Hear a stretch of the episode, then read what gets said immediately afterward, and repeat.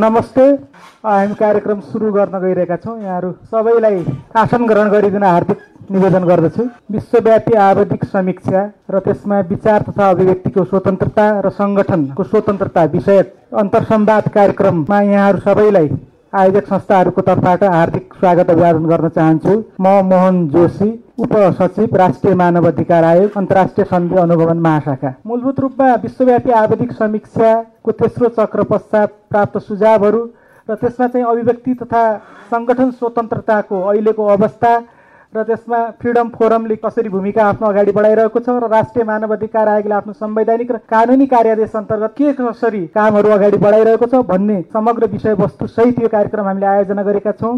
यो कार्यक्रमको समग्र उद्देश्यमाथि प्रकाश पार्दै उपस्थित सम्पूर्ण महानुभावहरूलाई स्वागत गरिदिनु हुन राष्ट्रिय मानव अधिकार आयोगका अधिकृत खिमानन्द बस्यालज्यूलाई हार्दिक अनुरोध गर्दछु।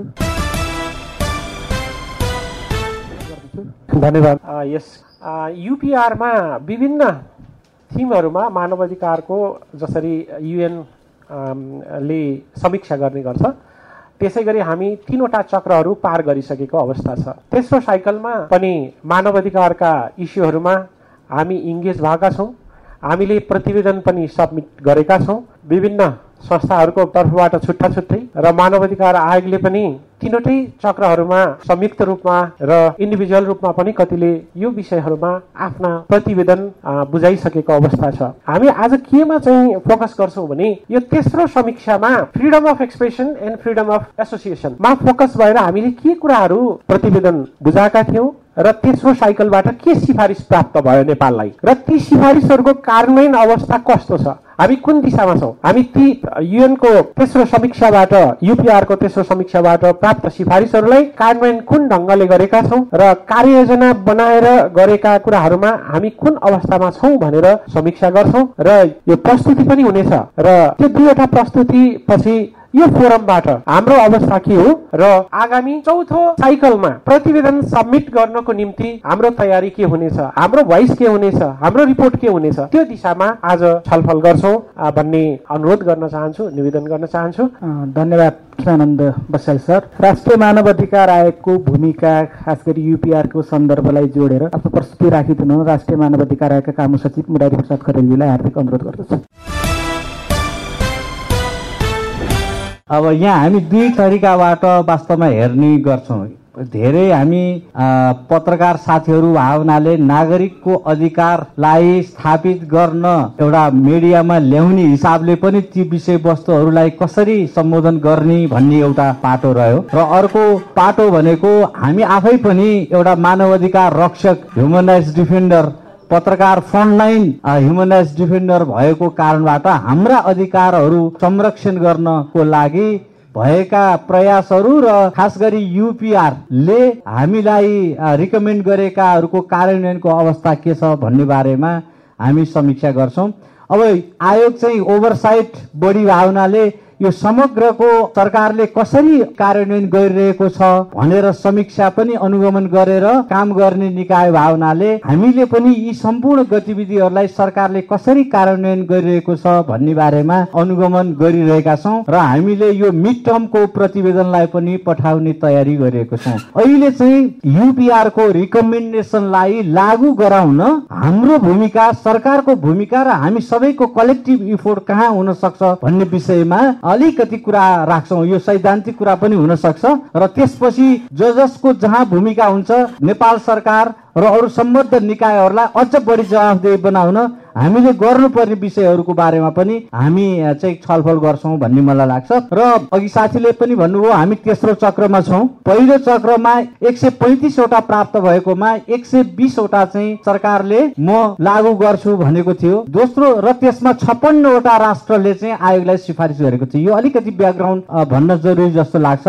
र दोस्रो चक्रमा एक सय छ्यानब्बेवटा सिफारिस भएकोमा एक सय बाहन्नवटालाई चाहिँ सरकारले एक्सेप्ट गरेको थियो। र त्यसमा त्रिहत्तर राष्ट्रले चाहिँ सिफारिस गरेका थिए। र अहिले तेस्रो चक्रमा आउँदा दुई सय तेत्तिसवटा सिफारिस गरेकोमा एक सय छयानब्बेवटालाई सरकारले एक्सेप्ट गरेको छ र अन्ठानब्बेवटा राष्ट्रले सुझाव दिएका छन्। मैले यो किन जोडेको भन्दा प्रत्येक चक्रमा नेपालको मानव अधिकार प्रति चासो राख्ने राष्ट्रहरूको संख्या बढ्दो छ। किन भन्दा यो अब यसलाई चासो राखेर सकारात्मक रूपमा लिए पनि भयो। होइन मानव अधिकारको अवस्था राम्रो नभएको कारणले गर्दा रिकमेन्डेसन गर्ने संख्या र राष्ट्रहरू बढ्दै गएको छन् भन्न पनि मिल्यो। त्यस अर्थमा पनि हामी अब यो क्षेत्रमा काम गर्ने पत्रकार डिफेन्डरहरूको भूमिकालाई पनि कसरी यसलाई प्रभावकारी बनाउने भन्ने कुरा पनि यो सन्दर्भमा महत्वपूर्ण हुन्छ भन्ने मलाई लाग्छ। जस्तो एक सय छ्यानब्बेवटामा इकोनोमिक सोसियल कल्चर राइट्स आर्थिक सामाजिक सांस्कृतिक अधिकार सम्बन्धी सत्तालिसवटा सिफारिसहरू थिए। त्यसमा right to educate standard of लिभिङमा पाँचवटा राइट टु फुडमा सातवटा राइट टु हेल्थ कोभिड सम्बन्धी छवटा एजुकेसनमा बाह्रवटा इम्प्लोइमेन्टमा दुईवटा हाउसिङमा एकवटा। यो समग्र हामी पत्रकार साथीहरू र मानव अधिकार साथीहरूले यी विषय पनि थाहा पाएर पिपुलको अधिकार सुनिश्चित गर्न रिपोर्टिङ गर्न जरुरी भावनाले पनि मैले यो कुराहरूलाई यहाँ जोडेको छु। किन भन्दा त्यसको लागि पनि हामीले फलोअप गर्न पर्ने हुन्छ कि सरकारले गरेको लागू गर्छु भनेका सिफारिसहरू कहाँ पुगे के के छन् कस्ता अवस्थामा छन् भन्ने कुराहरू एउटा नागरिकको अधिकार सुनिश्चित गर्नको लागि पनि हामीलाई इम्पोर्टेन्ट हुन सक्छ र गरिबी निवारण सम्बन्धी बाह्रवटा थिए। त्यस्तै गरी कलेक्टिभ राइट्स यो सामिक अधिकार भन्छौँ इन्भाइरोमेन्टदेखि लिएर डेभलपमेन्ट एसडिजी लगायतका विषयहरूमा पाँचवटा थिए रिकमेन्डेसन सिभिल एन्ड पोलिटिकल राइट्समा विभिन्न थिममा राइट टु लाइफ जीवनको अधिकार यातना विरुद्धको अधिकार राइट टु फ्रिडम स्वतन्त्रता सम्बन्धी डिटेनिजहरूको राइट सम्बन्धी र जस्टिस सम्बन्धी छब्बिसवटा थिए। भनेपछि यी पनि हाम्रा लागि हेर्नुपर्ने विषय चाहिँ हुन् त्यसैले पनि खोजी खबर गर्नुपर्ने रहन्छ भन्ने लाग्छ। राइट एगेन्स्ट एक्सप्लोइटेसन शोषण विरुद्धकोमा सत्रवटा थियो। त्यो चाहे महिलासँग सम्बन्धित होस् बाल बालिकासँग सम्बन्धित होस् मार्जिनलाइज कम्युनिटीसँग सम्बन्धित भएर दिएका रिकमेन्डेसन हो त्यो सत्रवटा थिए र ट्रान्जिसनल जस्टिससँग चाहिँ चौधवटा थियो। यो ट्रान्जिसनल जस्टिस पनि यो तेस्रो साइकलमा महत्वपूर्ण रूपमा चाहिँ सिफारिस भएर आएका विषयवस्तुहरू थिए र इक्वालिटी र नन डिस्क्रिमिनेसन यो हामी जेन्डर इक्वालिटीको कुरा गर्छौँ मेन स्ट्रिमिङको कुरा गर्छौँ अभिवेदको विभेद गर्नु हुँदैन मार्जिनलाइज पिपुलहरूको लागि कम्युनिटीको लागि भने त्योसँग सम्बन्धित विभिन्न कास्ट बेस्ड डिस्क्रिमिनेसनको कुरा राइट टु पार्टिसिपेसन र इन्क्लुजनका कुरा हामीले संविधान र कानुनमा लागू गर्छौँ भनिएका कुराहरूलाई टेकेर चाहिँ गरिएका सिफारिसहरू थिए र त्यस्तै प्रोटेक्सन अफ भनरेबल कम्युनिटी किन विशेष समुदायको लागि विशेष प्रोटेक्सन गर्छु भनेर सरकारले गरेको प्रतिबद्धताहरूलाई लागू गर भनेर त्यो खालका कुराहरू चाहिँ बाइसवटा रहेका थिए र त्यस्तै महिलाको अधिकारसँग सम्बन्धित अडचालिसवटा थिए बालबालिकाको अधिकारसँग सम्बन्धित प्रत्यक्ष रूपमा सोह्रवटा थिए र अप्रत्यक्ष रूपमा अलिक जोडिएका शिक्षा स्वास्थ्यसँग जोडिएका त्रिचालिसवटा भन्न पनि सक्छौँ हामी। त्यस्तै पर्सन विथ डिसेबिलिटिज अपाङ्गता भएका व्यक्तिहरूसँग सम्बन्धित सातवटा र माइग्रेन्ट वर्कर्स आप्रवासी कामदारसँग सम्बन्धित एउटा रिफ्युजीको विषय पनि अन्तर्राष्ट्रिय समुदायको चासोको विषय भावनाले नेपाललाई त्यस सम्बन्धी पनि रिकमेन्डेसनहरू भएका थिए र त्यस्तै पोलिसी रिलेटेड खास गरी कानुनको कुरा अनि नीतिका कुराहरूसँग जोडिएका त्यो समावेशीकरण र समावेशीलाई सुनिश्चित गर्ने सहभागितालाई जोडिएका कुराहरू छवटा थिए र रेटिफिकेसन अफ इन्टरनेसनल इन्स्ट्रुमेन्ट गर्नुपर्छ थप जस्तो आइस रोम स्ट्याच्युटदेखि लिएर माइग्रेन्ट वर्करदेखि लिएर टर्चरको अप्सनल प्रोटोकलदेखि लिएर यस्ता थुप्रै विषयमा नेपालले थप रेटिफिकेसन गर्नका लागि पनि सुझावहरू प्राप्त भएका थिए पच्चिसवटा रहेका थिए। त्यसमा पार्लेमो प्रोटोकल पनि थियो। पार्लेमो प्रोटोकल चाहिँ अब पछिल्लो समयमा यो रिकमेन्डेसन आइसकेपछि गभर्मेन्टले अनुमोदन गर्यो पार्लियामेन्टबाट त्यो पनि सकारात्मक कुरा रह्यो। International obligation of cooperation with human किन भन्दा यो मानव अधिकारसँग जोडिएका विषय इन्टरनेसनल विषय वस्तु हो र त्यो विषयलाई लागू गर्नुपर्ने विषय राज्यको दायित्व भएको हुँदा त्यो कोपरेसन प्राप्त गर्नुपर्ने लिनुपर्ने सहकार्य समन्वयका विषयहरू पनि जोडिएका विषय थिए। ती कुराहरूसँग चाहिँ अब यो कस्तो देखिन्छ भन्दा यो एकाकी तरिकाबाट सरकारको मात्रै विषय अथवा सिभिल सोसाइटीको मात्रै विषय अथवा इन्टरनेसनल कम्युनिटीको मात्रै विषय नभइकन यो सबैसँग म्युचुअल कोअपरेसनको विषय पनि भएको हुँदा योसँग सम्बन्धित पनि थिए। र ह्युमन राइट्स एजुकेसन र एवारनेसका विषय पनि त्यसमा समावेश गरिएका थिए। यसरी चाहिँ यो समग्रलाई क्लासिफिकेसन गर्दाखेरि अब यो फ्रिडम अफ एक्सप्रेसन यहाँ डाइरेक्ट किन परेन भन्न सकिनु होला यो चाहिँ सिभिल एन्ड पोलिटिकल राइट्स भित्रै भएको हुनाले यसभित्र नै परेको पनि म यहाँहरूलाई जानकारी गराउन चाहन्छु। पहिलो दोस्रो तेस्रो आइसकेपछि साँच्चीकै यसको कार्यान्वयनको जिम्मा सरकारको त हुँदै हो। त्यसपछि पनि हामी अरू सरकारवालाहरूको भूमिका के हुन सक्छ यसको रणनीति के हुन सक्छ भनेर आयोगले यो युपिआरलाई कम्प्लिट रूपमा इम्प्लिमेन्टेसन गर्न एउटा अध्ययन गरेको थियो। गोविन्द बन्दीजीको संयोजकत्वमा एउटा एक्सपर्ट टिमबाट अध्ययन नै गरेको थियो। अब यसलाई इफेक्टिभ इम्प्लिमेन्टेसन गर्नको लागि के आवश्यक पर्छ भनेर त्यो अध्ययनबाट चाहिँ यसरी जानुपर्छ भन्ने कुरा केही कुराहरू म राख्न चाहन्छु। किन भन्दा यो हामी समग्रलाई यो महत्वपूर्ण हुन सक्छ अब यो अलिकति फ्रिडम अफ एक्सप्रेसन अर्को पनि भावनाले हामीसँग थुप्रै लिगल इन्स्ट्रुमेन्टहरू मेकानिजमहरू छ। नेसनल इन्टरनेसनल मेकानिजमहरू के छन् त? हाम्रो दायित्व जस्तो फ्रिडम अफ एक्सप्रेसनबाट हेर्ने हो भने ह्युमन राइट्स मानवाधिकार रक्षकहरूको डिक्लेरेसनको आर्टिकल सिक्स र एटमा छ आइसिसिपिआरको आर्टिकल नाइनमा छ। अब हामीसँग रिजनल मेकानिजम छैन जस्तो African charter of human rights अनि अमेरिकन चार्टर त्यहाँ चाहिँ regional European charter regional mechanism त्यहाँ पनि छ। तर यसरी हेर्दाखेरि हामीसँग थुप्रै राइट टु एसोसिएसनको कुरा गर्दाखेरि ह्युमन राइट्स डिफेन्डरको डिक्लेरेसनको आर्टिकल फाइभ र टुवेल्भमा छ र आइसिसिपिआरको ट्वेन्टी टूमा छ।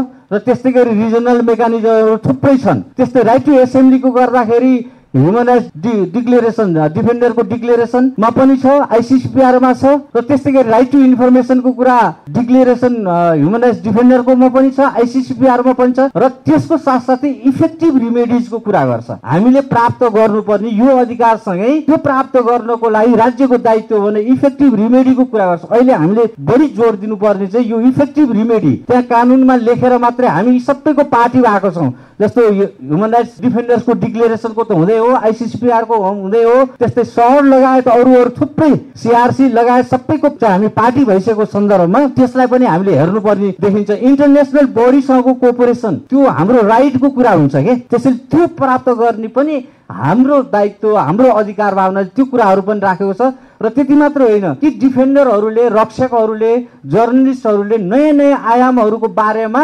सरकारले नै त्यसलाई सेन्सिटाइज गर्ने पनि दायित्व हुन्छ। जस्तो अहिले बिजनेस एन्ड ह्युमन राइट्स नयाँ डाइमेन्सन आयो। इन्भाइरोमेन्ट क्लाइमेट चेन्ज त्यसका इन्टरनेसनल नेसनल कुराहरूको बारेमा सेन्सिटाइज गर्ने पनि सरकारकै दायित्व हो भन्ने कुराहरूलाई जोडिएको छ र फन्डिङ एडुकेट फन्डिङ कतिपय अवस्थामा सरकारले गर्नुपर्ने हुन्छ। होइन भने पनि अन्य संस्थाहरूबाट प्राप्त गर्ने पनि हाम्रो अधिकार रहन्छ। यी कुराहरू हामीलाई इन्टरनेसनल डकुमेन्टहरूले नै हामीलाई सुनिश्चित गरेको छ। त्यसमा हेर्नु भने सिआरसी सहरमा भएका विशेष कुराहरू अब हामीसँग रिजनल मेकानिजम त छैन। सिआरसी हामीले बाल अधिकार महासन्धि हामीले चाहिँ रेटिफाई गरेका छौँ क्याटको गरेका छौँ सिड गरेका छौँ सहर गरेका छौँ यी सबै कुराहरू इन्टरनेसनल डकुमेन्टमा पनि छन्। त्यो त्यतैबाट पनि हुन्छ। त्यति त्यसको बावजुद पनि युपिआरले यी कुराहरूलाई अझ विशेष रूपमा जोड दिएको छ। कुन कुन दफामा कुन कुन राष्ट्रले चाहिँ राइट टु फ्रिडम एसेम्ब्ली र एसोसिएसनमा र खास गरी एचआरडीको प्रोटेक्सनको विषयमा आइटी बिलको सम्बन्धमा युपिआरले विशेष रूपमा रिकमेन्डेसन गरेको छ। जस्तै भन्नु हो भने safeguard the freedom of expression and foster civil society participation अहिले सिभिल सोसाइटीको झन् स्पेस चाहिँ सिन्केज हुँदै गइरहेको छ। अझ बढी गर्नुपर्छ भन्ने उतातिर रिकमेन्डेसन छ। यतातिर हामी कसरी कस्ने भनेर लागिरहेका छौँ। त्यसैले यो विषय अब हामीले जोरदार रूपमा कसरी सरकारसँग उठाउने र त्यो कुराहरू प्राप्त गर्ने भन्ने कुरा छ। Ensure the rights of freedom of expression online offline दुइटै कुरा. र in law and in practice कानुनमा र व्यवहारमा दुइटै कुराहरू भनेको छ excessive use of force against demonstration human rights defenders भनेर कडा रूपमा भनेको छ अहिले पनि यदा कदा हामी देखिन्छौँ यद्यपि विगतका भन्दा धेरै त्यसमा सुधार आएको छ त्यसलाई हामीले राम्रो पनि मान्न सक्छौँ मान्नुपर्छ। Ensure no person is arrested for peacefully exercising their rights कसैलाई पनि अझ डिफेन्डरहरू त अर्काको अधिकार रक्षा गर्नको लागि काम गर्ने भावनाले उनीहरूलाई त झन् गर्नै हुन विशेष प्रोटेक्सनको कुरा गरिराखेको छ। त्यो विषय पनि हेर्नुपर्ने जरुरी छ। अब के गर्न सकिन्छ? अब हाम्रो सबैको भूमिका यहाँ पत्रकार साथीहरू पनि भावनाले यही विषयमा काम गर्ने साथीहरूलाई त अझ बढी थाहा होला। होइन भने यो अलिकति इन्टरनेसनल डकुमेन्टहरूमा अध्ययन गर्ने त्यसलाई कानुनी रूपमा त्यसलाई कम्पेयर गरेर ठ्याक्क दायित्वसँग जोडेर रिपोर्टिङ गर्ने हामीसँग अलिक कम प्र्याक्टिस छ। त्यसैले पनि यो विषयहरू हामीले बुझ्नुपर्छ। कहाँ संविधान र अन्तर्राष्ट्रिय हाम्रो अब्लिगेसनसँग चाहिँ यो राज्यको दायित्व हो यो तिमीले गरेनौ गर्नुपर्ने ठाउँ हो भन्ने कुरालाई पनि हामीले जोड दिनुपर्ने कुराहरूलाई म यहाँ अलि अगाडि बढाउन चाहन्छु। अब हामी कसरी गर्न सक्छौँ त? यो यो समग्र एउटा इन जनरल स्ट्राटेजी हो कि यो सरकारलाई अझ मोर एकाउन्टेबल बनाउनलाई इस्टाब्लिसमेन्ट अफ इम्प्लिमेन्टेसन मेकानिजम त्यो रिकमेन्डेसन गर्यो म गर्छु भने एक्सेप्ट गरेर आयो। त्यसै त लागू हुँदैन। कस्तो किसिमका चाहिँ मेकानिजम आवश्यकता पर्छ? चाहे त्यो फ्रिडम अफ एक्सप्रेसन होस् एसोसिएसन होस् त्यो गभर्मेन्टको इन्टिटिज भित्र सेक्युरिटी इन्टिटिज भित्र मेकानिजम पनि त्यसले एक्सपेक्ट गरेको हुन्छ। त्यो कुराहरूलाई गर्नुपर्ने अवस्था छ। त्यो हामीले हेरौँ यो रिकमेन्डेसनलाई हेरौँ र कहाँ कहाँ नयाँ मेकानिजमको आवश्यकता छ? दोस्रो कुरा कम्युनिकेसन एन्ड एवारनेस किन भन्दा यो हामी पत्रकार डिफेन्डरहरूले त थाहा पाउनै पर्यो र नागरिकहरूलाई पनि यो विषय चाहिँ रिकमेन्डेसन छ तिम्रो राइट्स हो भनेर इम्पावर पनि गर्दै जानुपर्ने अवस्था भयो। र क्लस्टरिङ अफ रिकमेन्डेसन यो चाहिँ सबै एक सय छ्यानब्बेवटालाई अथवा दुई सय तेत्तिसवटालाई क्लस्टरिङ गरेर अनि हामीलाई रिपोर्टिङ गर्न सजिलो हुन्छ। जस्तो इकोनोमिक सोसियल कल्चर राइट्ससँग रिलेटेड चाहिँ रिकमेन्डेसन के रहेछ हाम्रो अहिले कानुनी व्यवस्था के रहेछ पोलिसी व्यवस्था रहेछ गभर्मेन्टले कसरी इम्प्लिमेन्ट गरेछ प्रोग्राम पनि कसरी त्यसलाई लिइरहेछ भनेर चाहिँ हामीले कम्पेयर गर्न सक्छौँ। अर्को कुरा आइडेन्टिफिकेसन अफ एक्सन रिक्वायर्ड त्यो अब उहाँ एक्सेप्ट गर्यो यहाँ चाहिँ हुन्छ भनेर मात्रै त हुँदैन। बजेट चाहिएला रिसोर्स चाहिएला अरू मेकानिजमहरू चाहिएला human resources in and financial दुइटै रिसोर्स चाहिएला। त्यो चाहिँ अब हामी सिभिल सोसाइटी जसले यसको एडभोकेसी गर्छौँ हाम्रो पनि प्लानिङ चाहियो एडभोकेसीको प्लानिङ।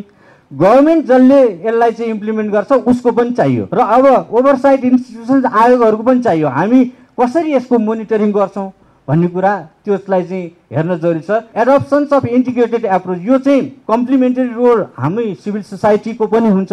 त्यसैले हामीले पनि एकाङ्किक रूपमा भन्दा पनि यसलाई कसरी इन्टिग्रेटेड रूपमा सरकारलाई एकाउन्टेबल बनाउने भन्ने हिसाबबाट हाम्रो पनि भूमिका हुन सक्छ र त्यसपछि एसाइनिङ रेस्पोन्सिबिलिटी कसको हो त? यो मन्त्रालयमा महिला सम्बन्धी आएका रिकमेन्डेसनको हेर्ने को हो त? जानकारी दिने को गृह मन्त्रालयमा को हो? त्यो रेस्पोन्सिबिलिटी कसैलाई स्पेसिफाई गरेन भने नो वान इज रेस्पोन्सिबल त्यो कुरालाई पनि हामीले रिपोर्टिङको मार्फत पनि हेर्नु पर्यो भन्न जोड्न चाहन्छु र हामी अनुगमन गर्ने निकायहरूले पनि त्यही अनुसारको अनुगमन गर्नुपर्छ जस्तो लाग्छ। आइडेन्टिफिकेसन अफ इम्प्लिमेन्टेसन पार्टनर हामीसँग रिसोर्सेस पनि नहुन सक्छ। जसरी अहिले हामी फ्रिडम फोरम र एनएचआरसी मिलेर गऱ्यौँ नि यो त रिसोर्स डुप्लिकेसन नहोस् भनेर पनि हो। त्यसैले कोलाबोरेसन कोपरेसन्सका कुराहरूलाई पनि हामीले जोड्न सक्छौँ। Setting of time frame for the implementation कुन बेला कुन कानुन कति समय बन्ने नीति कहिले बन्ने प्रोग्राम कति कहिलेसम्म गर्ने कुन प्रोग्रामले कहिले प्राथमिकता दिने त्यो कुराहरू हामी सबैले हेर्न जरुरी छ। Identification of need and national priority for technical assistant फेरि कतिपय कुरा सबै हामीले त्यो ज्ञाता हुँदैन। त्यसको लागि हामीले इन्टरनेसनल एसिस्टेन्स पनि लिन सक्छ। सरकारले पनि लिन सक्छ। लिनुपर्छ। स्पेसल रिपोर्टर्सहरूको सहयोग हुनसक्छ। युएनको अरू एक्सपर्टहरूको सहयोग हुनसक्छ। कतिपय म्यानुअल बनाउने हुनसक्छ। इन्भेस्टिगेसन्सको लागि स्पेसल त्यो हामीसँग नलेज स्किल्स नहुन सक्छ त्यसको पनि हामीले सहयोग लिनुपर्छ। Development of follow up and evaluation कति प्राप्त भयो कसरी भयो र कोअर्डिनेसन कोअपरेसन यो स्ट्राटेजीबाट जान सक्यौँ भने हामी यसलाई चाहिँ अझ बढी इफेक्टिभ बनाउन सक्छौँ भन्ने मलाई लाग्छ।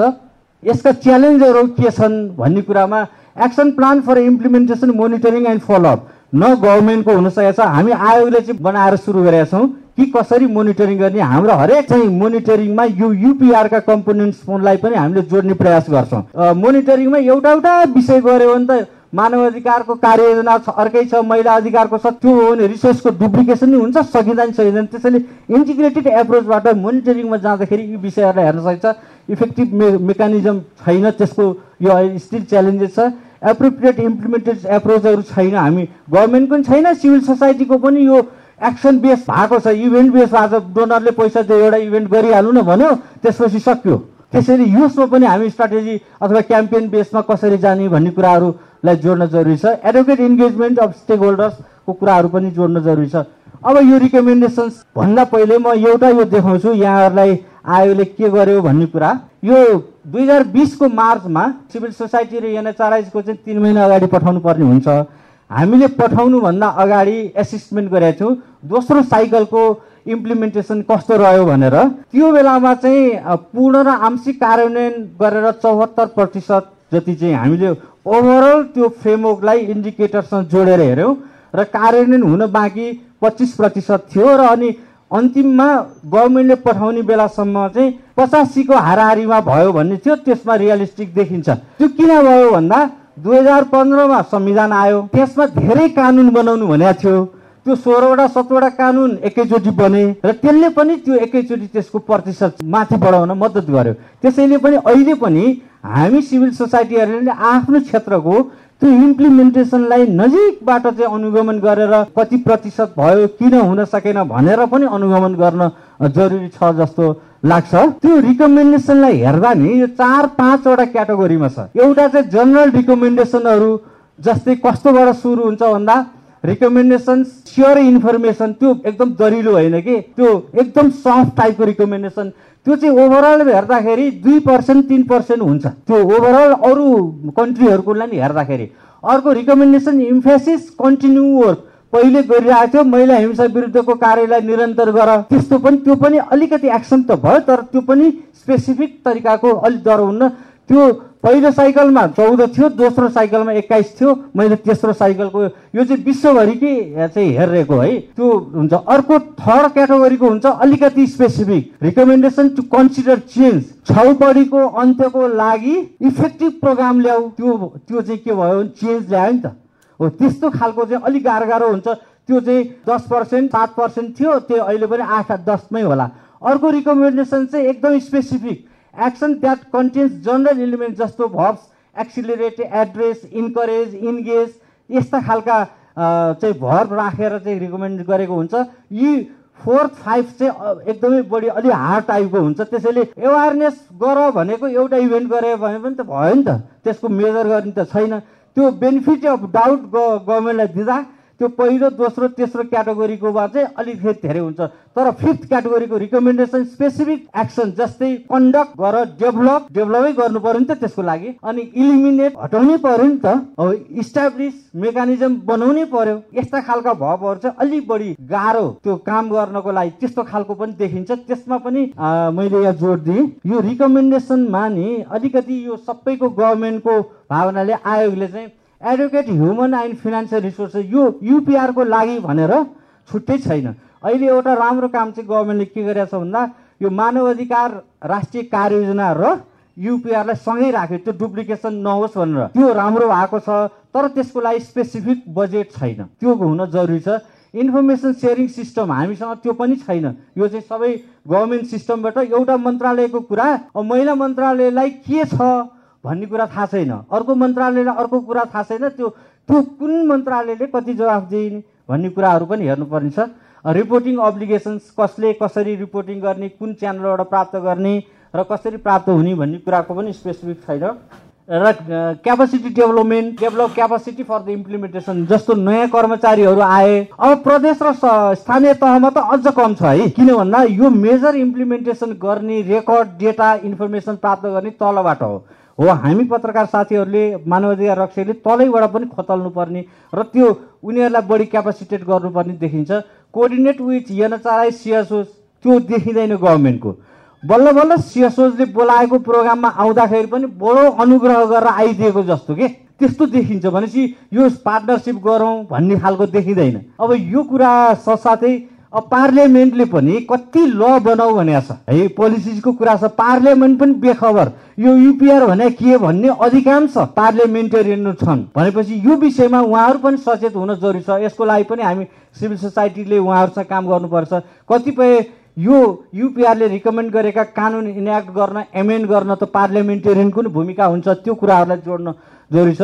रेगुलर मोनिटर पार्लियामेन्टले मोनिटर गर्न सक्छ नि त गर्नुपर्छ नि त गभर्मेन्टलाई यो युपिआरको इन्टरनेसनल अब्लिगेसन्स ट्रिटी बडिजले गरेका रिकमेन्डेसनहरूको त्यो कुराहरू हेर्नुपर्छ encourage the parliamentary committee to take the initiatives to example examine the process अब पार्लियामेन्ट्री मानव अधिकार समिति छ। त्यो मानव अधिकार समितिलाई पनि यो के के रिकमेन्डेसन छ भनेर छैन। हामीले एउटा कार्यक्रम उहाँहरूसँग गर्दैछौँ। अब हामीले मात्रै कति गर्न सक्छौँ? उहाँहरूको पनि दायित्व हुन सक्थ्यो हुनुपर्छ। अब एनएचआरसीले पनि आफूले मोनिटरिङ गर्ने फलोअप गर्ने एउटा स्ट्राटेजिकल्ली हुनुपर्छ भन्ने कुराहरू हामीले आफैलाई पनि यो पोस्ट स्ट्राटेजी आउने बित्तिकै चाहिँ हामीले आफैलाई पनि गाइड गर्नको लागि यो बनाएको छौँ र कतिपय कुराहरू सिभिल सोसाइटीसँग जोइन्टली मोनिटरिङ पनि गर्न सकिन्छ त्यसको लागि पनि हामीले प्लान गर्न सक्छौँ। जस्तो अब अहिले फ्रिडम अफ एसेम्ब्ली एसोसिएसन एक्सप्रेसनको कुराहरूमा हामी जोइन्टली कसरी जान सकिन्छ भन्ने कुरा पनि हामी गरौँ। अब मैले सकेँ सिएसओसको पनि इन्गेज इन मोनिटरिङ सिएसओस पनि। अब यो पत्रकार महासङ्घले कतिको अनुगमन गरेको छ मलाई थाहा छैन। यो राइट टु एक्स एक्सप्रेसन यो उहाँहरूको पनि दायित्व हो। त्यसैले सिभिल सोसाइटी यो काम गर्ने सङ्घ संस्थाहरूले पनि रेगुलर मोनिटरिङ गर्ने त्यो डेटाहरू इन्फर्मेसनहरू फिड गर्ने गभर्मेन्टलाई सजेस्ट गर्ने काम गर्न सकिन्छ।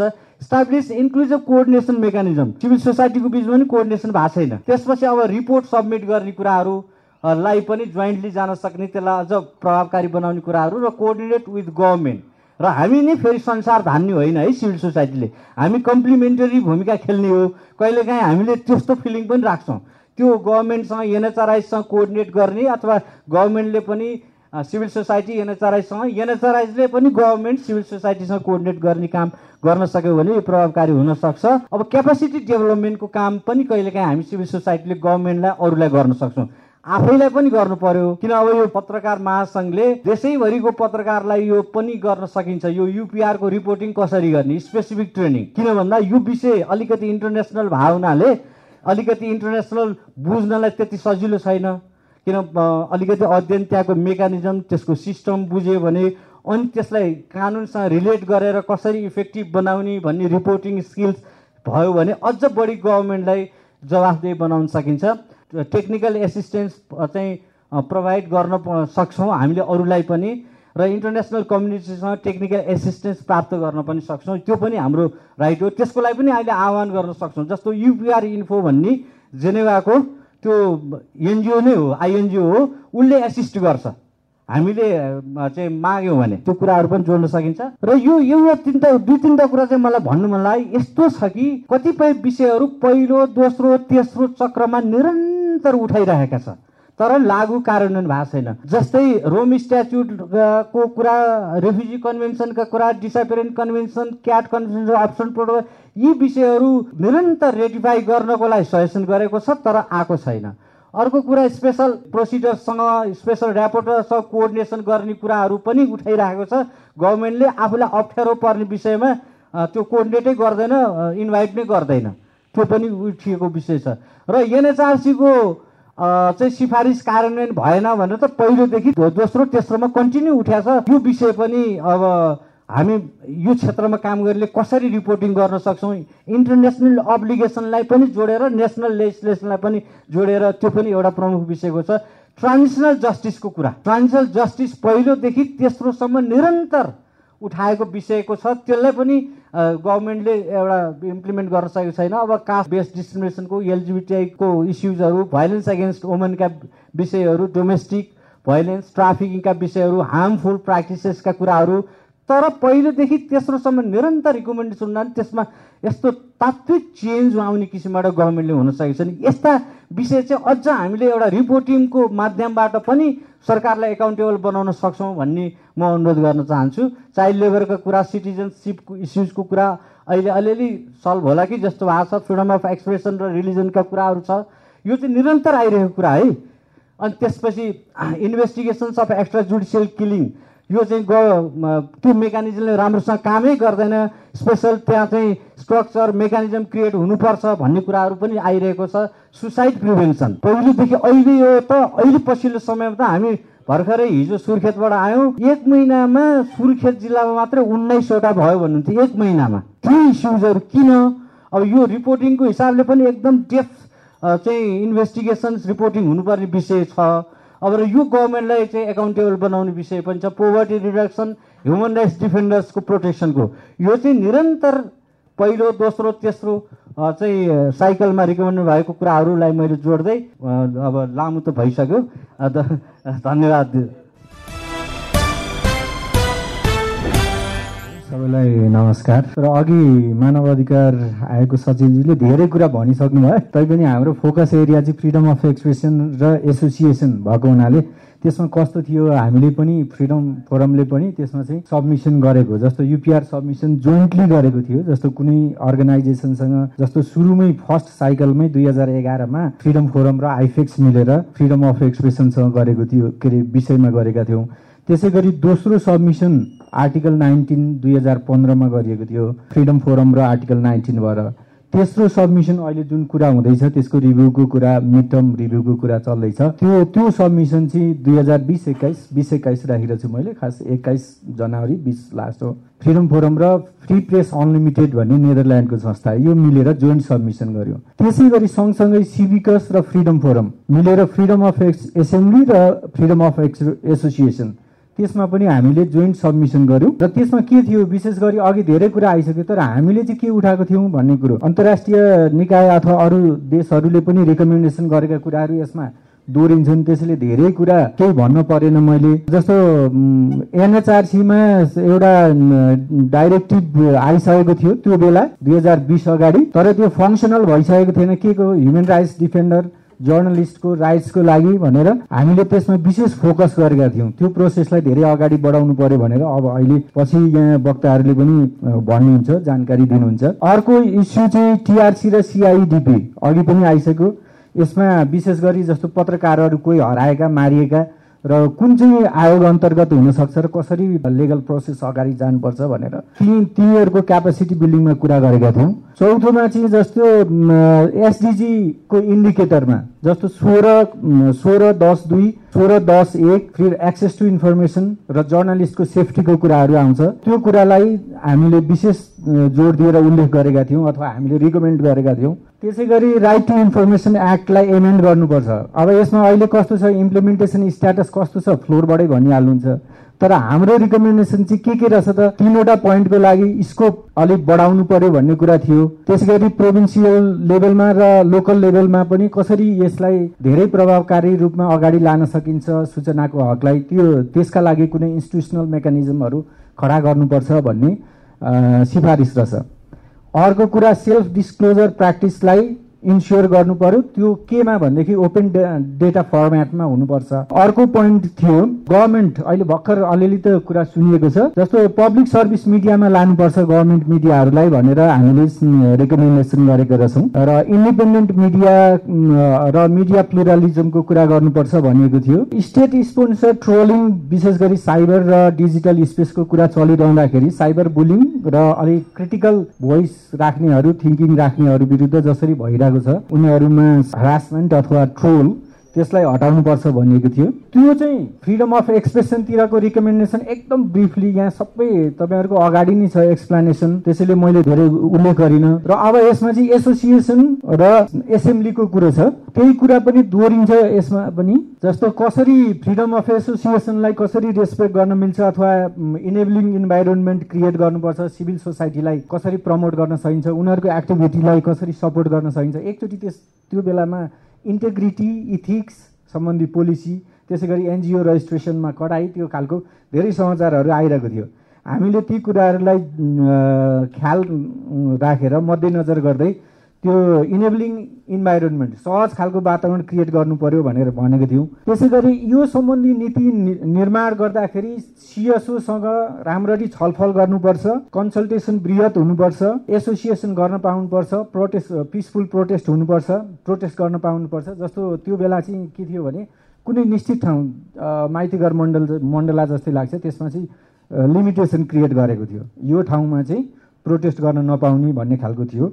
हामीले त्यो कुरालाई कन्सर्न सो गरेर रिकमेन्ड गरेका थियौँ। र त्यो गर्दाखेरि जस्तो आइसिसिपिआर युटिएचआरको कुरो आउँछ जस्तो एक्काइस र बाइसको मेन्सन गरेको छ। बाइसकोमा के के छ भन्ने कुरा त्यहाँ एक्सप्लेन धेरै गरिसकेको छ। अर्को कुरा चाहिँ अघि पनि मुरारी सरले भन्नुभयो जस्तो युएनको ऱ्यापोर्टरहरू विभिन्न क्षेत्रको एसोसिएसन एसेम्ब्ली के भन्छ एक्सप्रेसन त्यसै गरी टर्चर ट्रान्जिसनल जस्टिसका कुरा ती ऱ्यापोर्टरहरूलाई बोलाउनुहोस् स्ट्यान्डिङ इन्भिटेसन भनेको छ। ती त्यस्ता ऱ्यापोर्टरहरूलाई चाहिँ तुरुन्त बोलाएर अथवा इन्भिटेसन गरेर यहाँको स्टक टेकिङ गर्नुहोस् भनेर पनि रि रिकमेन्डेसन गरेका छौँ। यहाँ मैले धेरै एकदम थोरै ब्रिफली मात्र राखेको हुनाले यहाँ एक्सप्लेन धेरै गरेको छ। अर्को एउटा पोइन्ट यस यसबाटै मैले भने जस्तो excessive use use of force by the security to control association or assembly भनेको भनेको छ अहिले पनि तपाईँहरूले देखिरहनु भएको छ अस्तिको कुरो अहिले छलफलमा आइहाल्छ धेरै एक्सप्लेनेसन तीबाट हुन्छ। र अर्को सानो पोइन्ट चाहिँ दुई हजार एक्काइस जनवरीमा हामीले रिकमेन्डेसन गऱ्यौँ सरकारले पनि आफ्नो स्ट्याटस प्रेजेन्ट गर्यो। प्रदीप ग्यावाली परराष्ट्र मन्त्री हुनुहुन्थ्यो उहाँले डिजिटल्ली भर्चुअल्ली गर्नुभयो यहाँबाट। तर त्यही कुरा human rights commissioner high commissioner अथवा उस उहाँको अफिसले चाहिँ हाई कमिसनर ब्याचलेटले चाहिँ के लेख्नु भएको रहेछ? त्यसको अन्तिमतिर अक्टोबर आठ दुई हजार एक्काइसमा नेपाल सरकारलाई परराष्ट्र मन्त्री त्यो बेला चेन्ज हुनुभएको थियो नारायण खड्का हुनुहुन्थ्यो। त्यति बेला त्यो ट्रान्जिसनसम्म आइसक्दाखेरि सबैले गरेको रिकमेन्डेसन अध्ययन गरेर सबै स्टेक होल्डर गभर्मेन्टले गभर्मेन्टको स्ट्याटस ह्युमन राइट्स इन्स्टिट्युसनको स्ट्याट रिकमेन्डेसन अथवा अपडेट रिपोर्टको आधारमा हेरेर यी पोइन्टहरूलाई यी चाहिँ फ्रिडम अफ एक्सप्रेसन एसोसिएसनसँग फोकस भएका पोइन्टहरू चाहिँ उहाँले लेखेको चिठीमै के के मेन्सन भएको थियो भनेर मैले यो यो चाहिँ विशेष जोड्छ जस्तो revise the draft of national integrity ethics policy draft privacy policy online media directive electronic transaction act अब त्यो त कतिपय देशले एकदम नामै किटेर भनेको छ इटिएको कुराहरू। त्यसै गरी नेसनल ब्रोडकास्टिङ रेगुलेसन डिफेमेसनलाई डिक्रिमिनलाइज गर्नु भनेर ब्याचलेटले लेखेकै चिठीमा यी कुराहरू विशेष जोड दिएर उल्लेख गरेको छ। जस्तो अघि अघि नै आइसक्यो जस्तो कुन कुन देशले के के रिकमेन्ड गर्नुभयो त के के रिकमेन्ड गरे त? जस्तो जर्मनीले के गर्यो युएसएले के गर्यो जस्तो युएसएले चाहिँ इलेक्ट्रोनिक ट्रान्ज्याक्सन एक्टलाई रिफर्म गर एमेन्ड गर भनेर नाम किटेरै पठाएको छ। तर त्यसमा चाहिँ हाम्रो देशले के भन्यो सरकारले के भनेको छ भने नोटेड भनेको छ। अहिले पनि छलफल होला। कुनै प्रायः जसो चाहिँ सपोर्ट भनेको छ एक दर्जन एक दर्जनभन्दा माथि नट नट मोर देन बाह्रवटा जति होला हाम्रो फ्रिडम अफ एक्सप्रेसन एसोसिएसन एसेम्ब्लीमा बाह्रवटा जति रिकमेन्डेसन छ। जस्तो जर्मनीको छ त्यसै गरी फ्रान्सको छ त्यसै गरी चेजको छ क्यानाडाको छ चिलीको छ। उनीहरूले चाहिँ freedom of expression association online offline अघि पनि कुरा आयो जस्तो इस्टोनियाले चाहिँ साइबर स्पेसमा इन्टरनेटमा अनलाइन अफलाइनको राइट्स त्यो इन्स्योर गर्नु पर्यो भनेर रिकमेन्डेसन गरेको अवस्था छ। मोस्ट अफ सपोर्टेड सरकारले सपोर्ट गरेको छ। तर नोटेडको कुरामा चाहिँ अघि मैले भनिहालेँ त्यो किन नोटेड भयो होला? अब अहिलेसम्म पनि त्यो कुरा चलिरहेको छ। आइटी बिल त्यतिकै पेन्डिङ अवस्थामा छ।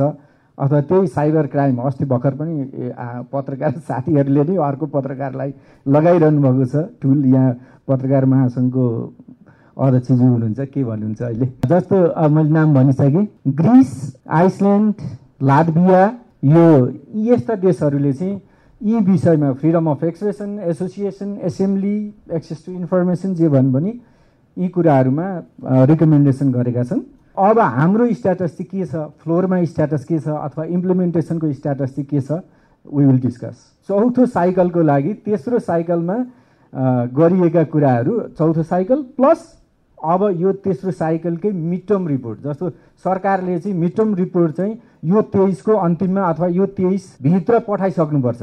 र सबैले कति सिएसओले तयार गर्दैछन् रिपोर्ट मानव अधिकारले पनि अब्जर्भ गरिरहेको छ। कस्तो खालको रिपोर्ट जान्छ? जस्तो सपोर्टमा चाहिँ त्यो सबै भइसकेको अवस्था छ कि? जस्तो नोटेडको स्ट्याटसमा के जान्छ होला? त्यहाँ भनिसकेको एक एक किसिमको सपोर्ट भनिसकेपछि लगभग कमिटेड भन्ने अर्थ बुझिएला। हामी लग त्यही विषयमा नै यो विशेष चर्चा हुनेछ। धन्यवाद नारायण घिमिरे सरलाई। यसपछि हामी यो दुइटै प्रस्तुतिको सन्दर्भ र अहिलेको खास गरी चाहिँ अभिव्यक्ति स्वतन्त्रता सभा सम्मेलनको स्वतन्त्रताको अवस्थामा आधारित भएर आफ्नो धारणाहरू राखिदिन हुन यो फ्लोर ओपन भएको जानकारी गर्दछु। हेलो म नरेन्द्र जोशी स्याप नेपालबाट। धेरै राम्रो कुराहरू आएछ निकै इन्टेन्सिभली निकै डेलिभरेटली यो रिभ्यू गरेर यो प्रेजेन्टेसन जुन भएछ त्यसबाट धेरै कुराहरूमा चाहिँ हामीलाई पनि इन्लाइट हुने मौका पनि पायो। र यसबाट एउटा चिज के देखिरहेछ भनेदेखि यो कलेक्टिभ एक्सन चाहिँ नेपालको सम्बन्धमा निकै जरुरी छ। यसमा अलि मल्टी स्टेक होल्डर पार्टनरसिपको कुराहरूलाई पनि हामीले एउटा मेन स्ट्रिम गर्नुपर्ने कुराहरूलाई यसले चाहिँ निकै ध्यान दिएको जस्तो देखिन्छ। अब हामी थर्ड फेज सिक्सबाट अब युपिआर फोरमा जाने भन्ने जुन कुराहरू भइरहेछ त्यो पनि निकै सान्दर्भिक समयमा चाहिँ नि यो कार्यक्रम जस्तो लाग्यो र म चाहिँ सिभिल सोसाइटी अर्गनाइजेसनलाई रिप्रेजेन्ट गर्ने भएको हुनाले अघि एउटा कुरा आयो यो सिभिक स्पेसको सिङ्किङ नि सिचुएसन छ। सिभिक रोल चाहिँ नि स्पेक इफेक्टिभ हुन सकिरहेको छैन भन्ने खालको जुन कुराहरू निस्किरहेछ।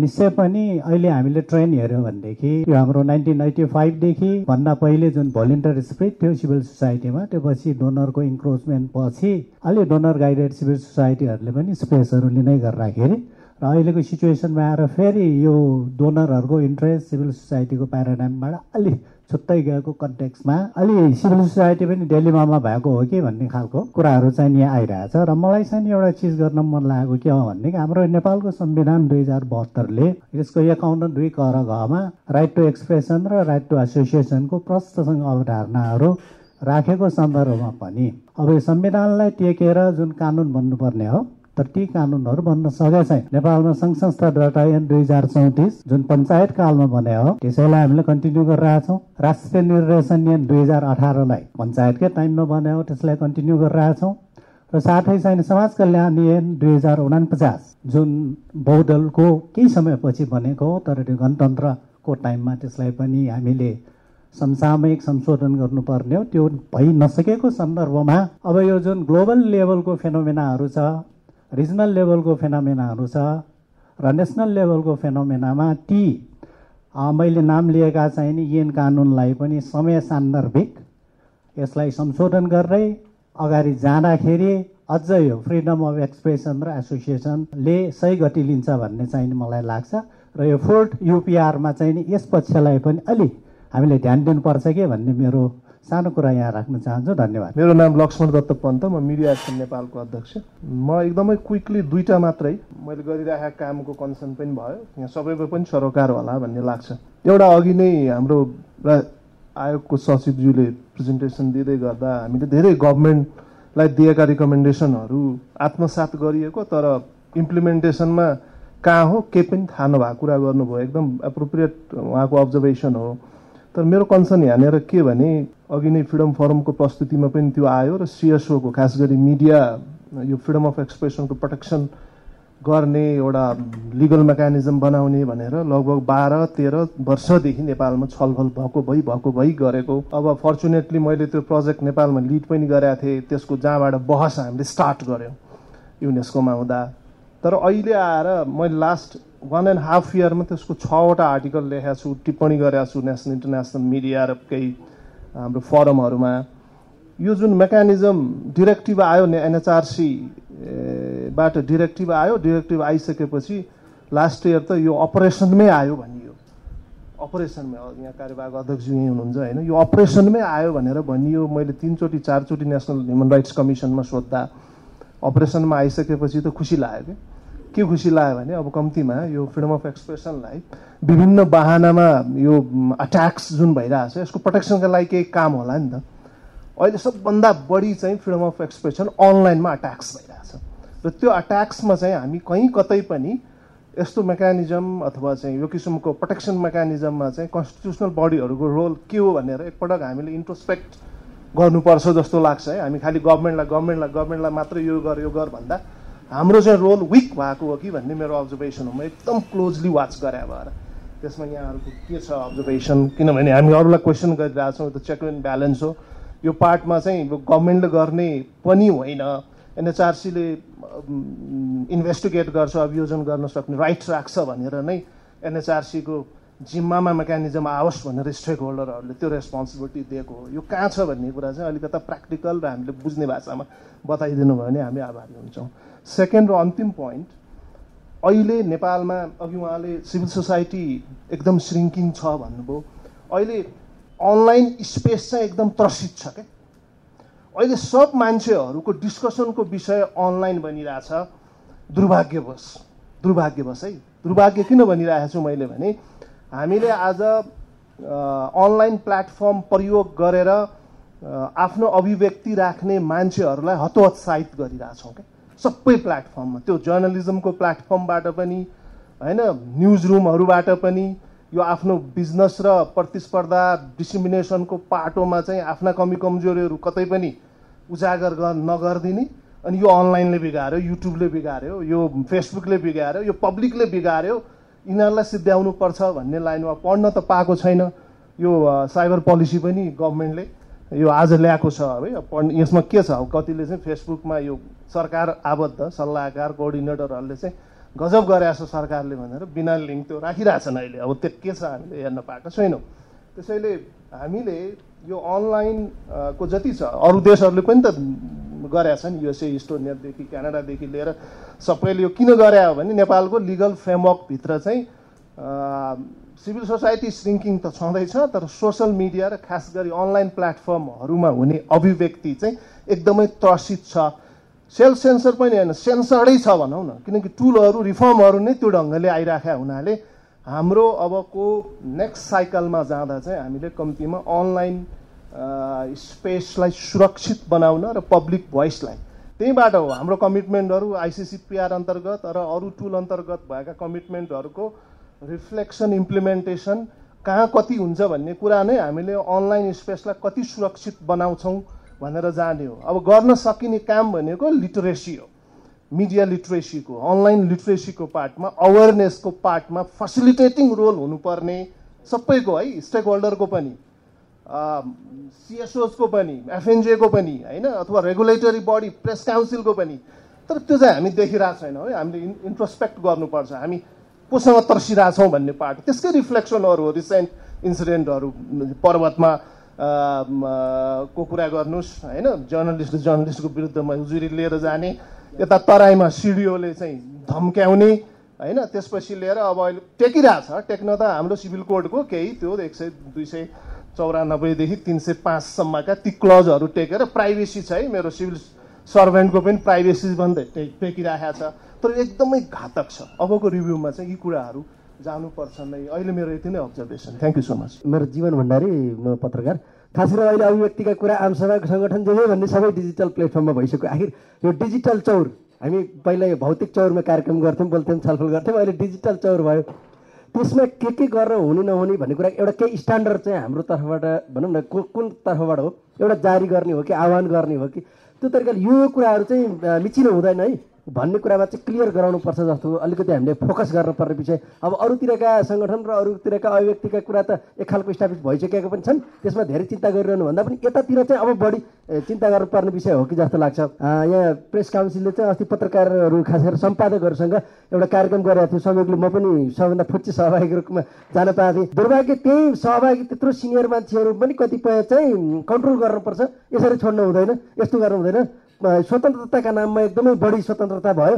भन्नेसम्मका चाहिँ दुर्भाग्यपूर्ण अभिव्यक्तिहरू त्यहाँ सुन्नुपर्ने स्थितिले गर्दाखेरिमा चाहिँ हामी एकदमै यो यो कुरामा चाहिँ हामी स्ट्यान्डर्ड मिनिमम कम्प्रोमाइज गर्न हुँदैन भन्ने खालको एउटा स्ट्यान्डर्ड चाहिँ बनाउने र त्यो सबैलाई बताउनु पर्ने आवश्यकता चाहिँ मैले देखाएको छु। धन्यवाद। म श्याम बाबु काफले मानव अधिकार आयोगमा काम गर्छु। मेरो विषयहरू धेरै छैनन्।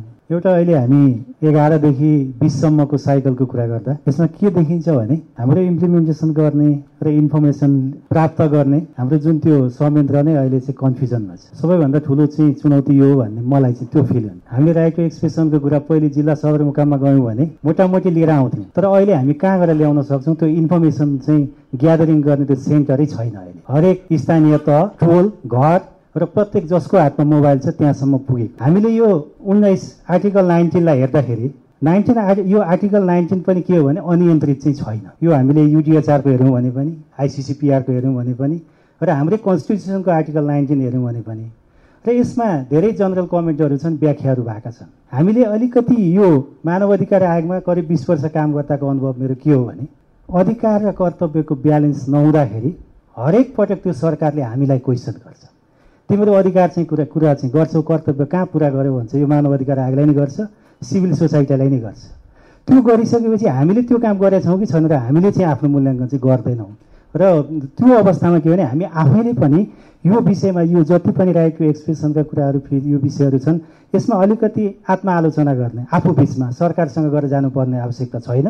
आफू बिचमा आलोचना गर्नुपर्ने काम एउटा चाहिँ यो देखिन्छ एउटा विषय यो देखियो। अर्को चाहिँ सँगसँगै यसमा अघि हाम्रो आएको विषय पनि छ र यो इन्फर्मेसनमा हामी के अरे इम्प्लिमेन्टेसनको बारेमा जाँदाखेरि एउटा नेटवर्किङ अहिले पनि हामीले बनाउन सकेनौँ। जस्तै हामी सबैले विश्वास गर्ने कुरा हो राइट टु एक्सप्रेसनको कुरा गर्ने भने हामी फ्रिडम फोरमलाई किन विश्वास नगर्ने? ओभरअल एउटा नेटवर्क बनाऊ त्यो फ्रिडम फोरमले त्यो विषयमा चाहिँ डेप्थ स्टडी गरोस्? त्यस्तै वुमनको इस्युमा एउटाले गर्ला चाहे चिल्ड्रेनको एउटा होला ट्रान्जिसनल जस्टिसको एउटा होला फोरम बनाऊ। ती सबैले स्पेसल त्यसमा चाहिँ डिस्कसन गरौँ इम्प्लिमेन्टेसन होस् र कोअर्डिनेसनमा हरेक महिनामा एकपटक बसेर हामीले चाहिँ के चाहिँ सिचुएसन हुँदा निकाल्न सक्यौँ भने यसलाई इफेक्टिभली लान सकिन्छ होला भन्ने मलाई लाग्छ। अब धेरै कुरा यो समय नै कम भएको हुनाले मैले यति मात्रै राखेँ। धन्यवाद। नमस्कार। मेरो नाम श्री राम पौडेल। म टियु अन्तर्गत आरआर क्याम्पसमा पत्रकारिता विषय पढाउँछु। पहिला मिडियातिर पनि अलिकति काम गरेको थिएँ र मेरो रिसर्चको क्षेत्र राइट टु इन्फर्मेसन सूचनाको हक सम्बन्धी मेरो पिएचडी डिजर्टेसन त्यसैमा भएको हुनाले फ्रिडम अफ एक्सप्रेसनमा यहाँ अघि तारा दाईले पनि बाँडेर बोलिदिनु भयो। म आरटिआईतर्फ नै फोकस हुन्छु। पोलिसी रिकमेन्डेसनमा यहाँहरूले निवेदन गर्नुभएका कुराहरूमा आपत्ति जनाउन पनि केही पनि छैन। मेरो रिसर्चको इन्फरेन्स के भयो भने नेपालमा जान्ने मान्छे धेरै भए इमान्दार कोही पनि भएनन्। मेरो त्यति हो इन्फरेन्स आरटिआईको सन्दर्भमा होइन। गभर्मेन्ट अफिसियल्स र अफिसर्सहरू हेरौँ त्यो लोकसेवा घोक्नलाई नजानेको कुनै पनि छैन कि कुन धारा कुनमा गएर म के गर्छु भन्ने कुरो उसलाई पुरै थाहा छ। तर वा हाउ दे आर डुइङ भन्दाखेरि they are not functioning at well म ट्युको मास्टरले पढाएर उही अघि एकदमै लिटरेट सोसाइटी बनाउँछु भने जस्तो भ्रमका कुरा गरे जस्तो मात्रै हो क्या। सोसाइटी इमान्दार भएन। सबभन्दा पहिला। त्यसलाई चाहिँ अब गभर्न गर्ने भनेको पोलिटिकल इन्स्टिट्युसनहरू हो। अनि त्यसलाई चाहिँ थायी रूपबाट इमान्दार ढङ्गले एक्जिक्युट गर्ने भनेको हाम्रो मेकानिजम अन्तर्गत ब्युरोक्रेसीको पर्ला।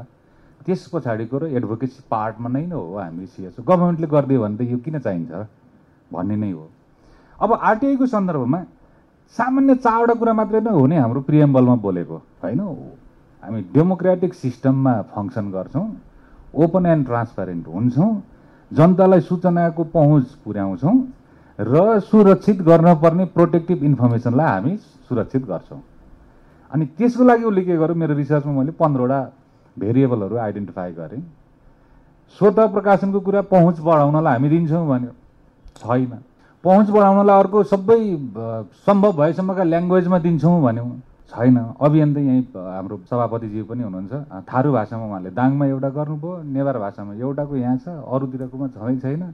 अनि यसो इन्टरनेसनल एजेन्सीले दियो भने चुनावको बेलामा निर्वाचन आयोगले सबभन्दा धेरै भाषामा पिएससी मात्रै प्रसारण गरे रहेछ।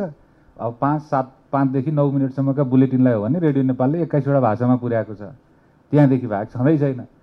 अब हाम्रो फेडरल सेटअपको ल्याङ्ग्वेजलाई मल्टिपल ल्याङ्ग्वेजमा कम्युनिकेट गर्न सक्ने स्टेटको क्यापासिटी हो कि होइन त? आदर्शको रूपबाट हामी सबै भन्छौँ। तर स्टेटको क्यापासिटी कहाँ छ त? भने पछाडि उडन्ते कुरामा धेरै गएको छौँ है। यसमा जाँदाखेरि उडन्ते भन् नभनौँ फेरि चित्त दुख्ला हाम्रो भाषालाई गरिस् भन्ने होला। तर स्टेटका लागि इन्डियामा पनि यो सबभन्दा रडाको यही बनाएको थियो। अनि how they able to manage भन्दा रिजनल ल्याङ्ग्वेजलाई मेजोरिटीको ल्याङ्ग्वेज तिम्रो के हो? डिसाइड गर।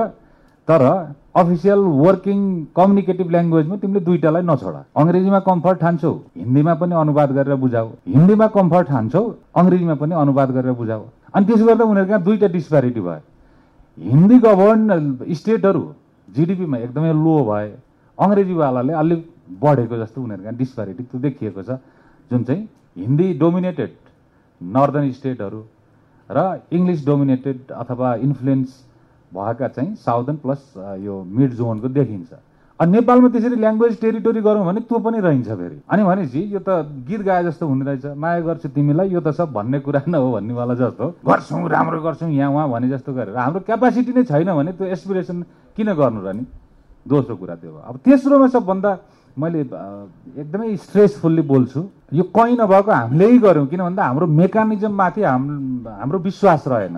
जस्तो आरटिआई एक्टको आन्दोलनदेखि लिएर त्यसको कार्यान्वयन अहिलेसम्मकोमा पनि आन्दोलनमा सहभागी हुनुभएको सरहरू यहीँ हुनुहुन्छ। सूचनाको वर्गीकरण अन्यत्र धेरै मुलुकहरूमा नहुँदा पनि हामीकोमा पोलिटिकल मेकानिजमले त्यो दिँदैन भनेर कानुनमा नै आरटिआई एक्टमा नै सूचनाको वर्गीकरण गर है। पोलिटिकल लिडरसिप कुन आउँछ कुन आउँछ थाहा छैन तर थाहै गभर्मेन्टकोमा चाहिँ मुख्य सचिव हो भनेर त्यो RTI act two thousand and sixty फोरको अब धारा सत्ताइसमा नै हामीले तोकेर क्याटेगोरिकल्ली यो समिति राख्यौँ। तिम्रा गभर्मेन्ट एजेन्सी अन्तर्गत कन्सर्न मिनिस्ट्रीकोलाई मेम्बर बनाऊ। त्यसपछि बनायो भने तिन पटकसम्म अहिले प्रयास भयो। अब अहिलेको पनि छैन। भने पछाडि उनीहरू नजान्ने होइनन्। सोध्नुहुन्छ भने यहाँ यो पर्छ यो पर्छ ऊ पर्छ सबै भयो। अनि पछि मैले इन्फरेन्स गर्दाखेरि all people are knowledgeable but they are not sincere सबभन्दा त्यो रह्यो अब यसमा अर्को फोकस गर्नुपर्ने अझै अर्को एउटा कुरा के छ भने हामी अहिले अभिव्यक्ति स्वतन्त्रमा स्वतन्त्रताको लागि जाँदाखेरि पाउनुपर्छ किन भन्दा युडी अचारदेखिबाट नै हाम्रो यो मुभमेन्ट आइरहेको नै हो। तर यसको अर्थ यो होइन कि तपाईँ हामीले हेट स्पिचतर्फ अथवा हाम्रो संविधानमै भनिएका कुराहरू पनि जति jeopardizing the society communal harmony अथवा अहिले त gender caste plus LGBTIQ plus समेतको कुरा अनि त्योदेखि बाहेक सेक्टरल राइट्सको कुरा होइन इन्भाइरोमेन्ट राइटको कुरा हुनसक्छ। या तपाईँको बसोबासको क्षेत्रमा कसैले कुकुर पालेको छ उसको कुकुर भुकेर मेरो बच्चा तर्सिन पाउँदैन के? कुकुर पाल्ने सोख भएकाले त्यो सोख पुरा गर्नलाई त्यही इन्फ्रास्ट्रक्चर ल्याउनुपर्छ कुकुर त भुक्छ नि भन्छन् कि? मैले कहिले काहीँ यस्तो जिस्काउँछु सोसाइटीमा। होइन त्यो होइन। त्यही भएर नेपाल कमजोर भएको कतिपय पक्षमा राइटफुल प्रोभिजन हुँदा हुँदै पनि सजाय कमजोर भयो भएर हामी बिग्रेको पनि हो। सजाय भनेको मोनिटरी वाइज मात्रै होइन। र यो पोलिसी इम्प्लिमेन्टेसन पढ्दै गर्दा मेरो पोलिसी रिभ्यूमा सबभन्दा गजबको एउटा कार्यान्वयन भएको के आउँछ भने नहाँस्ने दिनु होला तर गजबको कार्यान्वयन भएको एउटा पोलिसी मात्रै रहेछ हाम्रो यो पन्ध्र बिस वर्ष यता चाहिँ। यो मापछि नियन्त्रणमा रहेछ कि? त्यसमा सजाय के राखिदियो भन्नुहुन्छ भने पैसा दिएको भए त्यो पाँच हजार दस हजार बुझाउँथ्यो जडेयाले होइन? परिवारकै सदस्य पुर्याउन परे पछाडि उसको सोसियल प्रेस्टिज भ्यालुसँग सजाय जोड दिएको रहेछ क्या पुलिसकोमा फन्दामा पर्नु भने तपाईँको गार्जियन चिन्जानको मान्छे नगएसम्म उसले छोडिदिँदैन किन भन्दा ऊ त बेहोसीको रूपबाट पक्रिएको छ। सजाय त्यस्तरी गरे रहेछ क्या त्यहाँनिर? हेर्नुहोस् है त्यहाँनिर। अब आरटिआईको सन्दर्भमा यो कार्यान्वयन हुन नसक्ने प्रोभिजनहरूलाई अब टोटल्ली इग्नोरै गर्नुपर्छ एमेन्ड गर्नै पर्छ। दोस्रो चाहिँ यदि गभर्मेन्ट कमिटेड हो ओपन गभर्मेन्ट ओपन एक्सेसको अहिले चाहिँ त ओपन डेटाको हामी कुरा गरिरहेको छौँ। त्यस्तोमा हो भने त्यो आरटिआई लका कतिपय इन्फर्मेसन आर्काइभ गर्ने ट्वेन्टी इयर्ससम्मकोमा तिमीले जसरी पनि खोज भन्नेमा खोइ त इमान्दार भयो? रहेन नि त। इन्फर्मेसन दिनको लागि एउटा वेबसाइटमा राख्नलाई मात्रै इन्फर्मेसन अफिसर भयो बिचरा त्योसँग इन्फर्मेसन नहुनेतर्फ गयो। हो यो इमान्दार प्रयास गर्नको लागि हामीले अब एडभोकेसी त गर्नै पर्छ प्रेसर पनि दिनै पर्दछ। गजबको कार्यक्रम गर्नुभएको थियो। अपडेट हुन पनि पायो अरूलाई सुन्न पनि पायो धेरै धेरै धन्यवाद। नमस्कार म नम्रता शर्मा। मलाई एउटा अर्को एङ्गलबाट टच गर्न मन लाग्यो कि। जस्तो यो राइट अफ एक्सप्रेसन र एसोसिएसनको कुरा हामीले गर्दाखेरि आज बिहान आज तक हेरिरहेको थिएँ। मलाई त्यो मोदीको अनुहार एक्सप्रेसन बडी ल्याङ्ग्वेज देख्दाखेरि एकदम भित्र चिसो पसेर आयो कि। वर्ल्डको one of the biggest largest oldest डेमोक्रेसीमा Narendra मोदीले नो कन्फिडेन्स मोसन जित्नु र जुन किसिमले उसले त्यो नेसनल टेलिभिजनमा एउटा अपियर हुन्छ नि त्यो जतिको विडम्बना अहिलेको एजमा केही पनि होइन क्या र अहिले नेपालमा अहिले यहाँ कुरा सुन्दाखेरि पनि र हामीलाई थाहा भएको कुरा के छ भने हामी कहाँ यहाँ चाहिँ नि एउटा गर्व के गर्छौँ भने हामी एकदम लेख्छौँ बोल्छौँ माने ह्युमन राइट्स प्रोग्रामहरू यस्तो प्रोग्राम त अहिले इन्डियामा हुनै सक्दैन। Even a program like this हुनै सक्दैन है?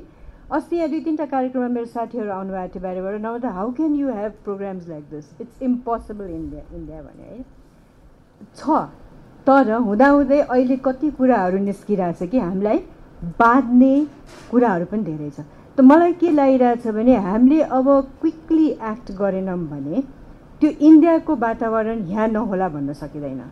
र तर अनफर्चुनेटली के भने इन्डियामा त अब सेल्फ सेन्सर्ड सेन्सर हुनेको साथसाथै त्यो मोदीको फियर यस्तो छ कि एकदम बचेर गर्छन् कि त्यो भइ नै सक्यो। यहाँ चाहिँ अनफर्चुनेटली झन् इन्डाइरेक्टली गर्ने बेलामा बोल्ने काम भोलि मैले नै लेखिरहेको छु कति है एकदम प्रचण्डलाई नै हानेर लेखेँ उसलाई तर कुन बेलामा आएर कहाँ कसरी कन्ट्रोल हुन्छ भन्न सकेँ र यो बेलामा अहिले यहाँको पनि मैले कुरा सुन्दाखेरि अझ पनि parliamentarians are still not aware of UPR भन्ने कुरा निस्किरहेको छ। वाट अ जोक कसरी पार्लिमेन्टेरियन्सहरूलाई युपिआरको कुरा थाहा छैन? होइन? अझ पनि। एनएचआर एनएचआरसिआर हाम्रो आयोगले अझ पनि स्ट्राटेजिकली हामी अगाडि बढाउने तरिका निकाल्न पर्छ हामी भनिरहेको होइन?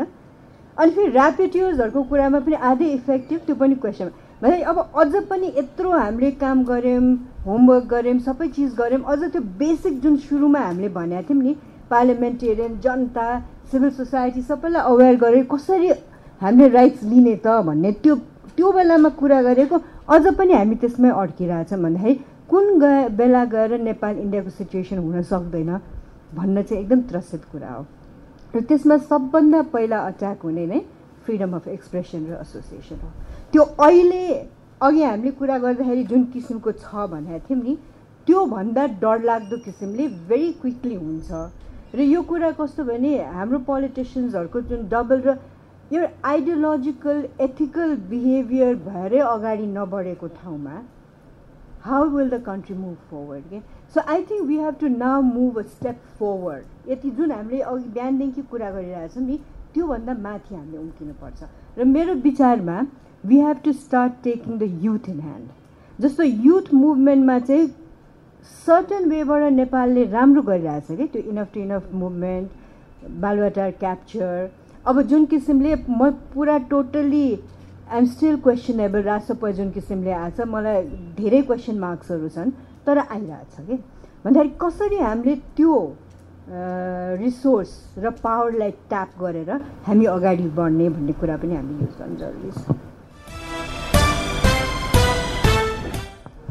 धन्यवाद हाम्रो Narendra sir Laxman sir Jiwan sir Shyam sir Shriram sir र नम्रता म्यामलाई यसपछि चाहिँ आजको यस कार्यक्रमका सभाध्यक्षज्यूलाई अर्को कार्यक्रममा पनि भएको हुनाले उहाँले आफ्नो महत्त्वपूर्ण भनाइ राखिदिन हार्दिक अनुरोध गर्दछु। धन्यवाद है। यो बडो मलाई आफूलाई सेल्फ इम्बेरेसिङ भन्छु म। म एक दुईवटा कुरा पहिलो कुरा त आजको हाम्रो सन्दर्भ चाहिँ के भने हामीले ह्युमन राइट काउन्सिलमा अहिले युपिआरको कन्टेस्टमा हामी कुरा गरिरहेको छौँ। त्यस कारणले हामीले त्यो फोकस चाहिँ युपिआरमै हुनुपर्छ भन्ने मेरो एउटा आग्रह र त्यही कुराको छलफलमा हामीहरू।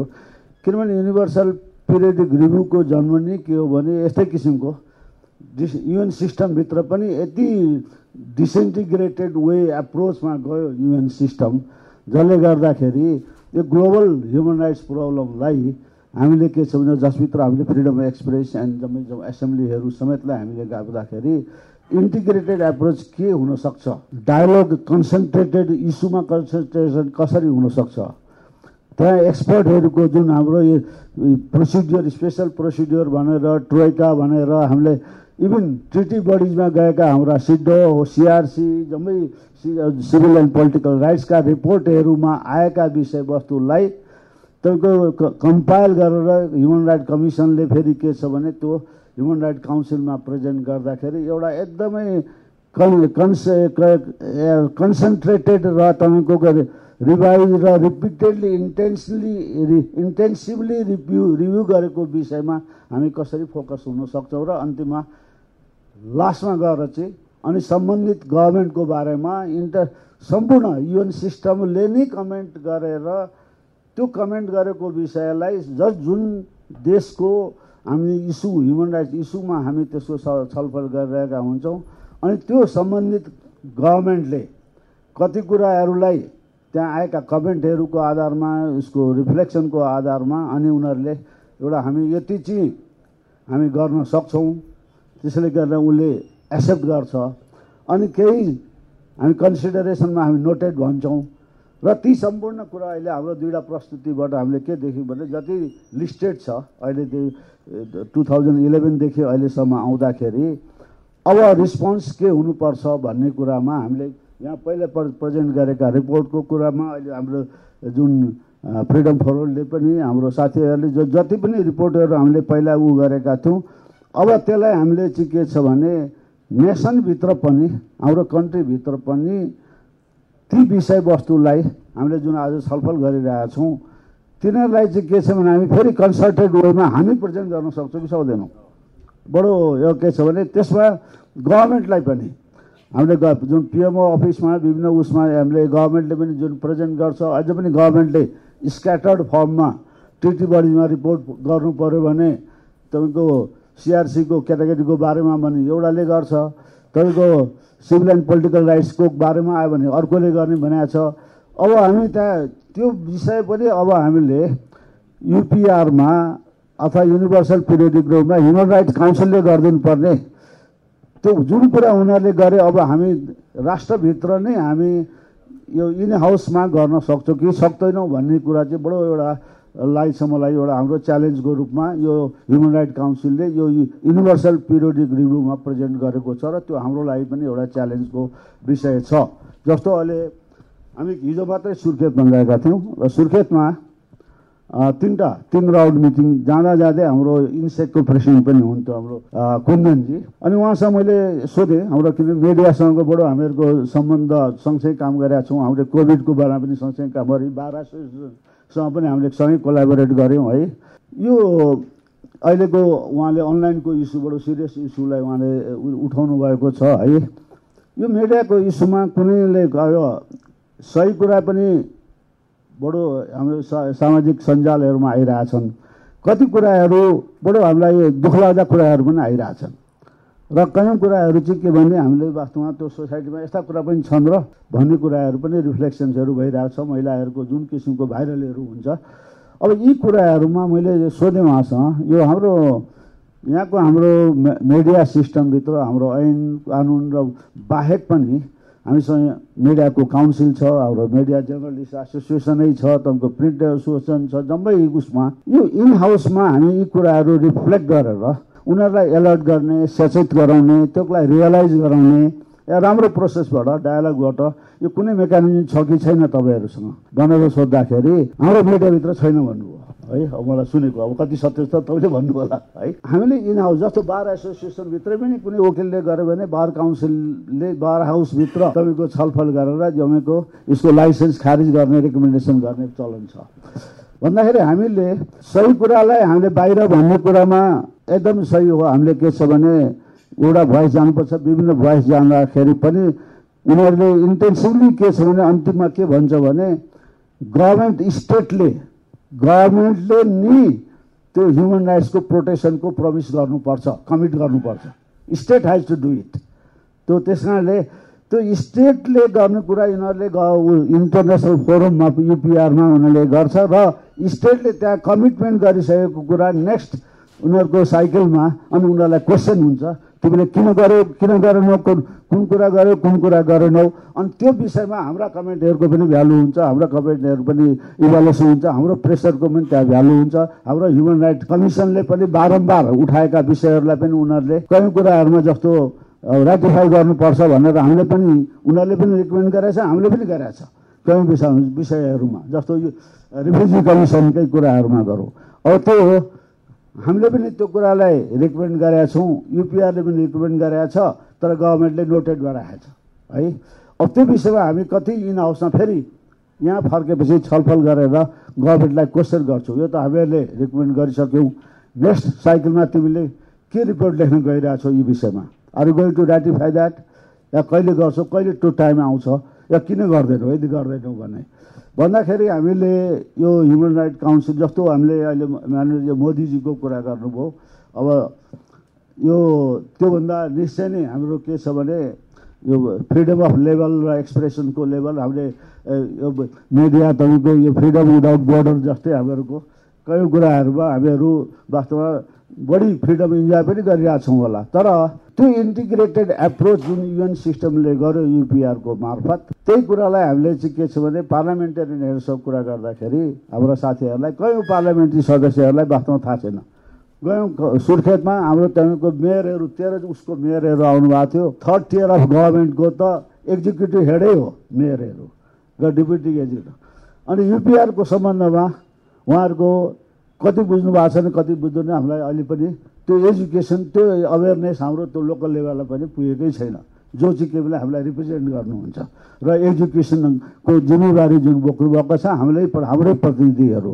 अब कति त्यो किसिमका भोइसहरू उहाँले त्यो हाउसमा रेज गर्नुभएको छ युपिआरको यो हाम्रो र यही भित्र त्यो मिडियाको फ्रिडमको लागि र त्यो उसको लागि हाम्रो यस्तै कलेक्टिभली ओपिनियन लिएर तपाईँको हाउसमा रिप्रेजेन्ट गर्ने प्र- प्रयास कति भइरहेछ? या हामीले सकेका छैनौँ कि उहाँहरूलाई एक्टिभेट गर्नको लागि?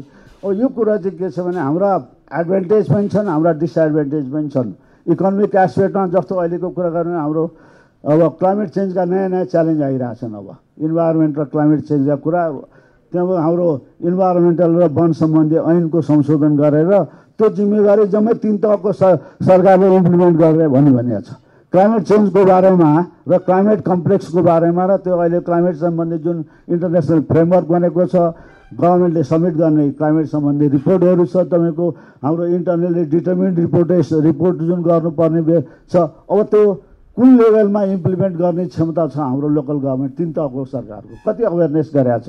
भन्ने कुराहरूमा पनि मतलब यो जम्मै इस्युहरू चाहिँ के छ भने अन्ततोगत्वा हाम्रो के छ भने मिडियासँग यस कारणले पनि जोडिया हुन्छ। अनि सबभन्दा बढी यो संसारभरिको ह्युमन राइट रक्षकमा मिडियामाथि किलिङ एट्याक जति सबभन्दा बढी के भने इन्भाइरोमेन्ट सेक्टरमा भएको छ। अफ- अफ्रिकामा हेरौँ वन सम्बन्धी लगिङहरूमा भएको छ। कम्बोडियामा हेर्नुहोस् वन सम्बन्धी र तपाईँको लगिङमा भएको छ। अफ्रिकामा डा डायमन्ड माइनिङमा भएको छ। ल्याटिन अमेरिकामा जानुहोस् तपाईँको ड्रग सम्बन्धी विषयमा भएको छ। र त्यसको एट्याक चाहिँ के छ भने मिडिया पिपुलमा बढी भइरहेछ।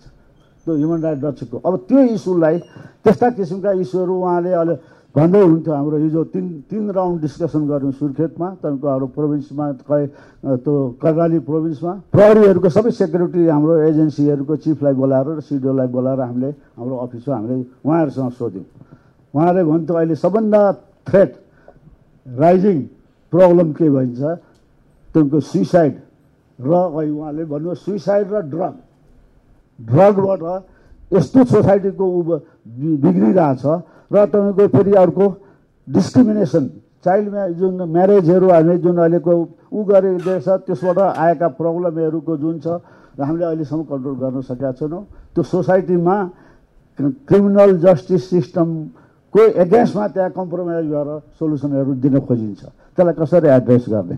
यस्ता सिरियस क्रिमिनल जस्टिस सम्बन्धी भाइलेसनका कुरा हामी निर्मला पन्तको कुरा गर्नु अहिलेसम्म डिस्क्लोज नहुनुको पछाडि के कारण छ भन्ने डिस्कभर तपाईँको मिडिया साथीहरूले हेर्दै जाँदा त्यो पछि अरू अरू ठाउँको पनि हेर्दा के देखिन्छ भने अन्ततोगत्वा पोलिटिकल प्रेसर पोलिटिकल पार्टिज जसलाई हामी पार्लियामेन्टमा जाउँ त्यही पोलिटिकल पार्टीका रिप्रेजेन्टेसन जाने हुन्।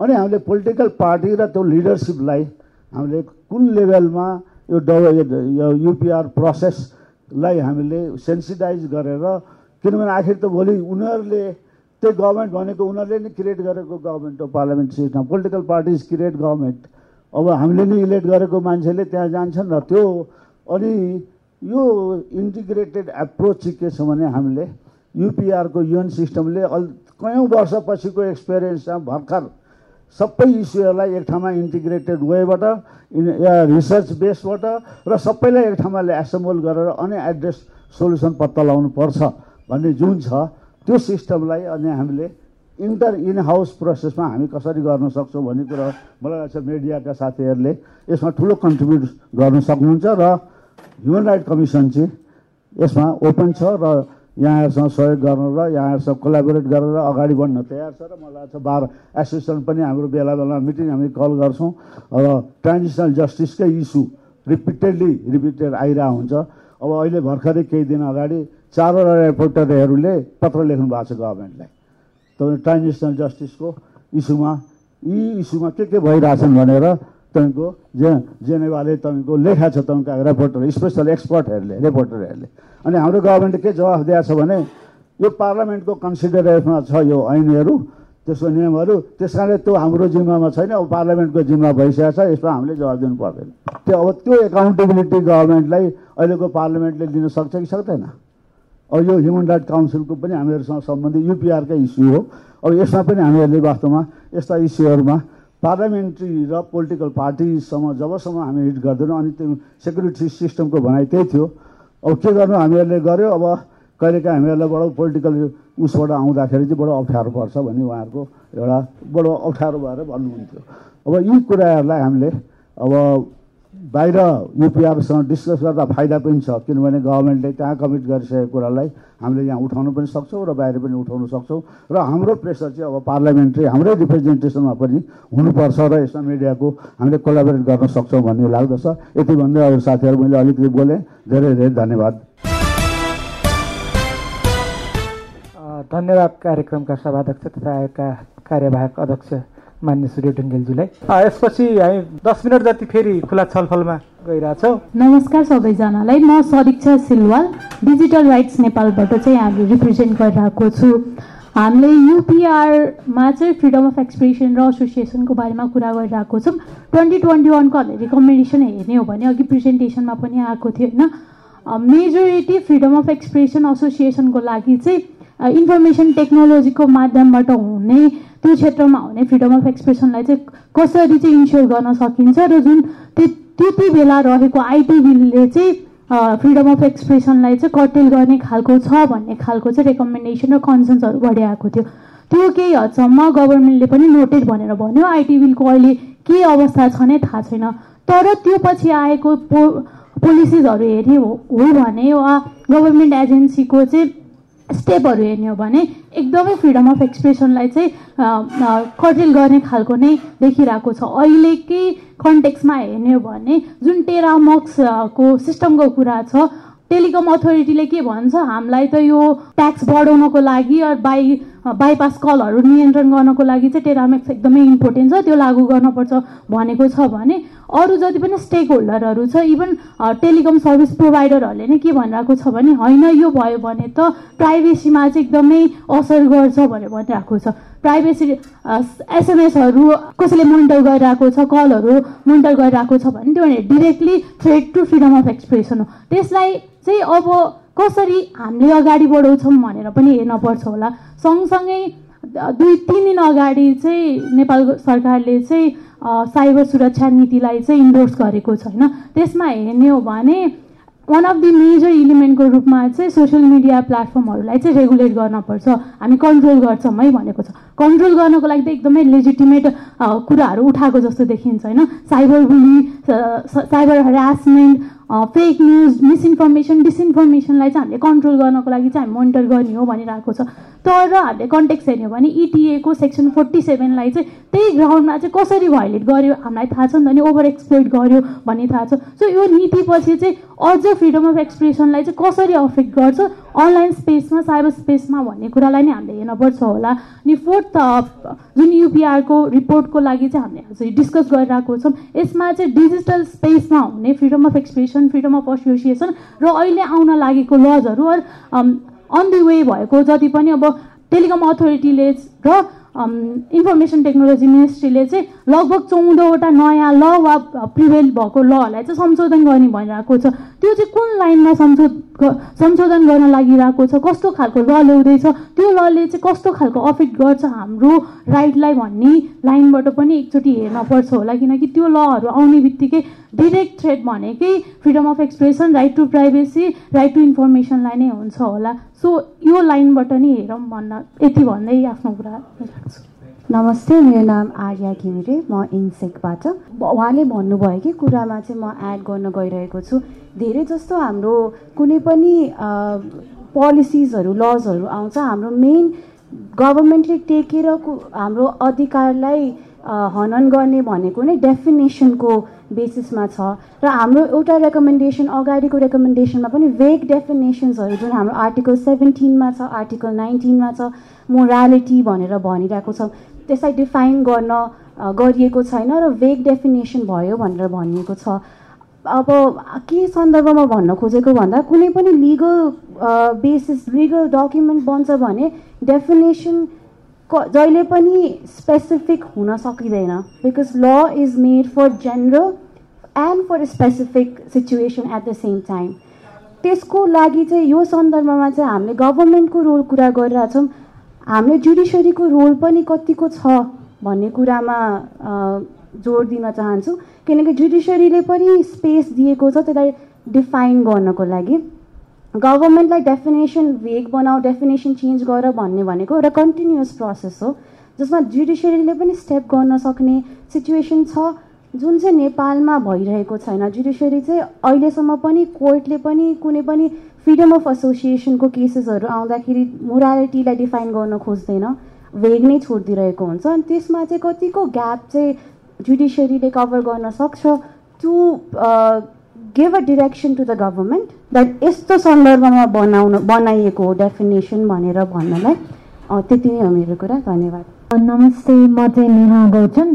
म चाहिँ बरियान डेटाबाट हो। आई एग्री टु उहाँहरूले भन्नुभएको कुरा। अनि अलिकति मलाई लागेको चाहिँ यो स्पेसली यो युपिआरमा हेर्दाखेरि चाहिँ पर्टिकुलरली जर्नलिस्टहरूको कुरा अलिक बढी आइरहेको छ। अनि ओभरअल चाहिँ सिटिजनलाई तोकेर त्यसरी आएको छ। अनि तर फ्रिडम अफ एक्सप्रेसन या फ्रिडम अफ एसेम्ब्लीको कुरा गर्दा चाहिँ हामीले छुट्याउनु नपर्ने या नहुने कुरा चाहिँ कसलाई चाहिँ बढी त्यसले अफेक्ट गर्छ होइन?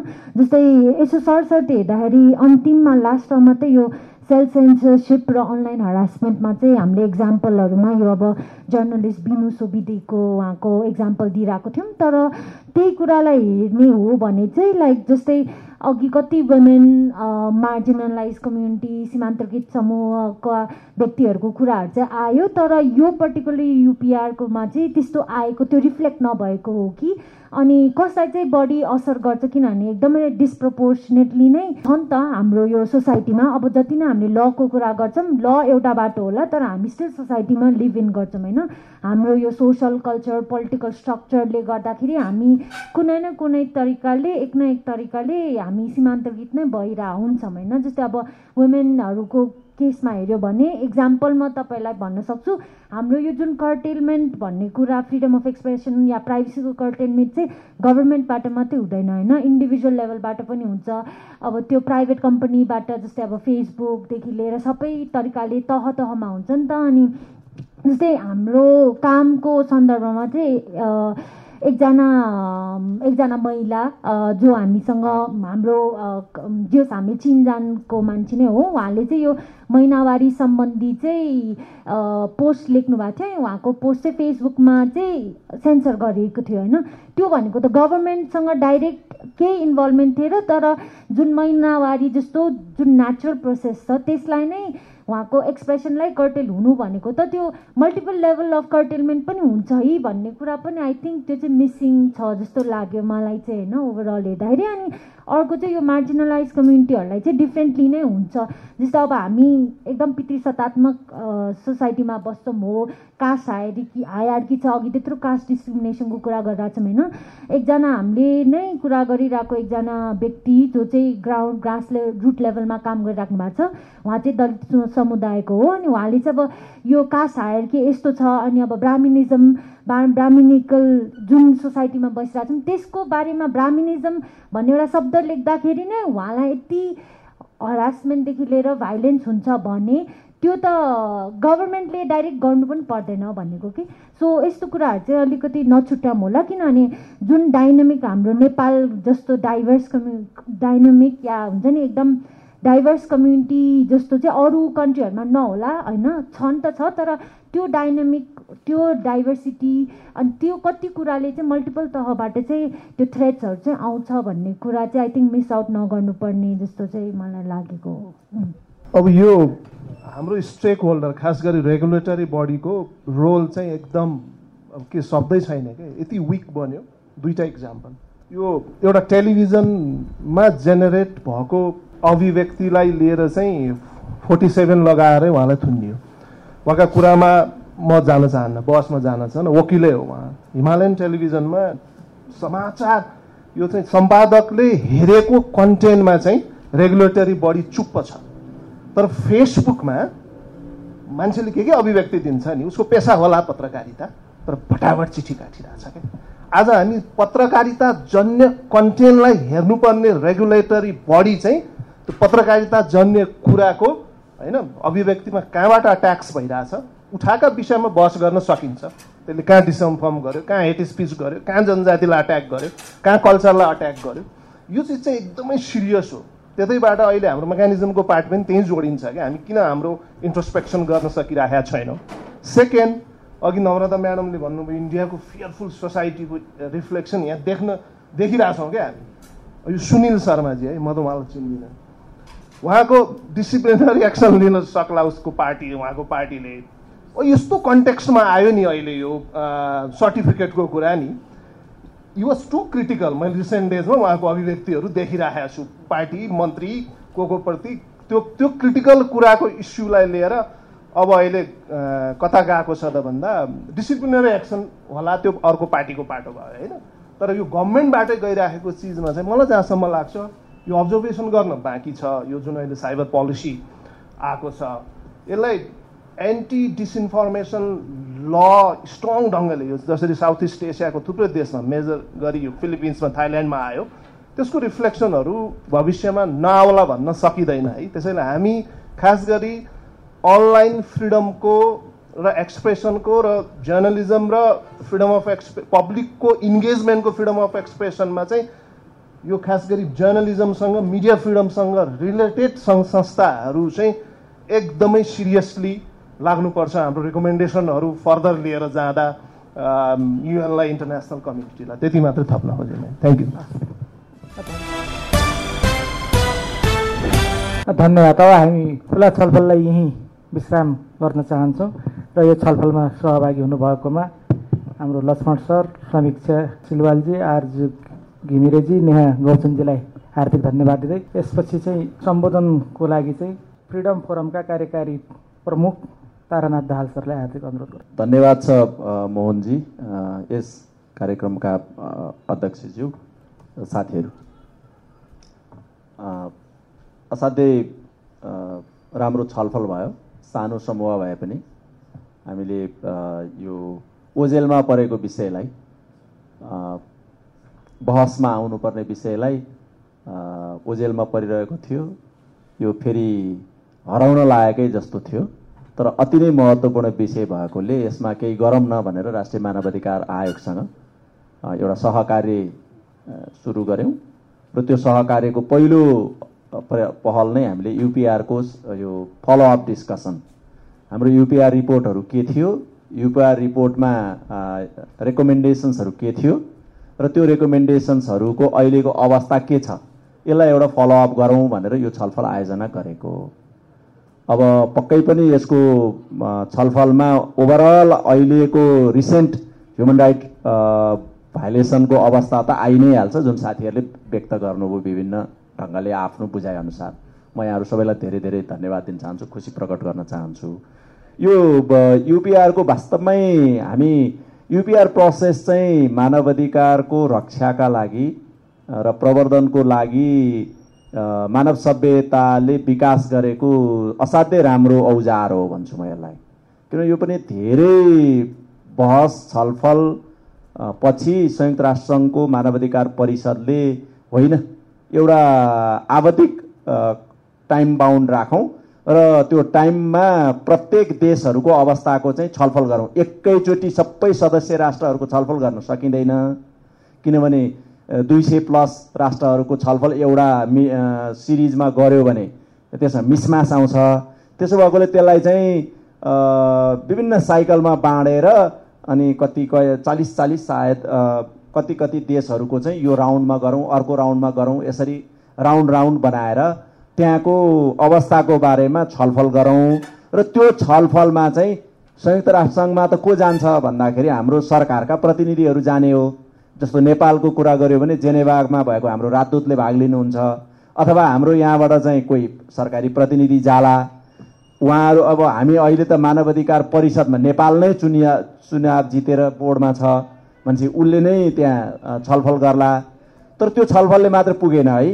यस्तोमा चाहिँ नेसनल ह्युमन राइट इन्स्टिट्युसन्सहरू खास गरी मानवाधिकार संरक्षण प्रवर्धनको लागि बनाइएका संस्थाहरूको रिपोर्ट चाहिँ त्यसमा एउटा समानान्तर रूपमा लिने प्रोभिजन गरौँ भनेर त्यो युएनले चाहिँ आखिरमा हाम्रो राष्ट्रिय मानवाधिकार आयोग जस्तै संस्थाहरूलाई चाहिँ त्यो एउटा समग्र रिपोर्टहरू पनि दिने एउटा बाटो सिर्जना गर्यो।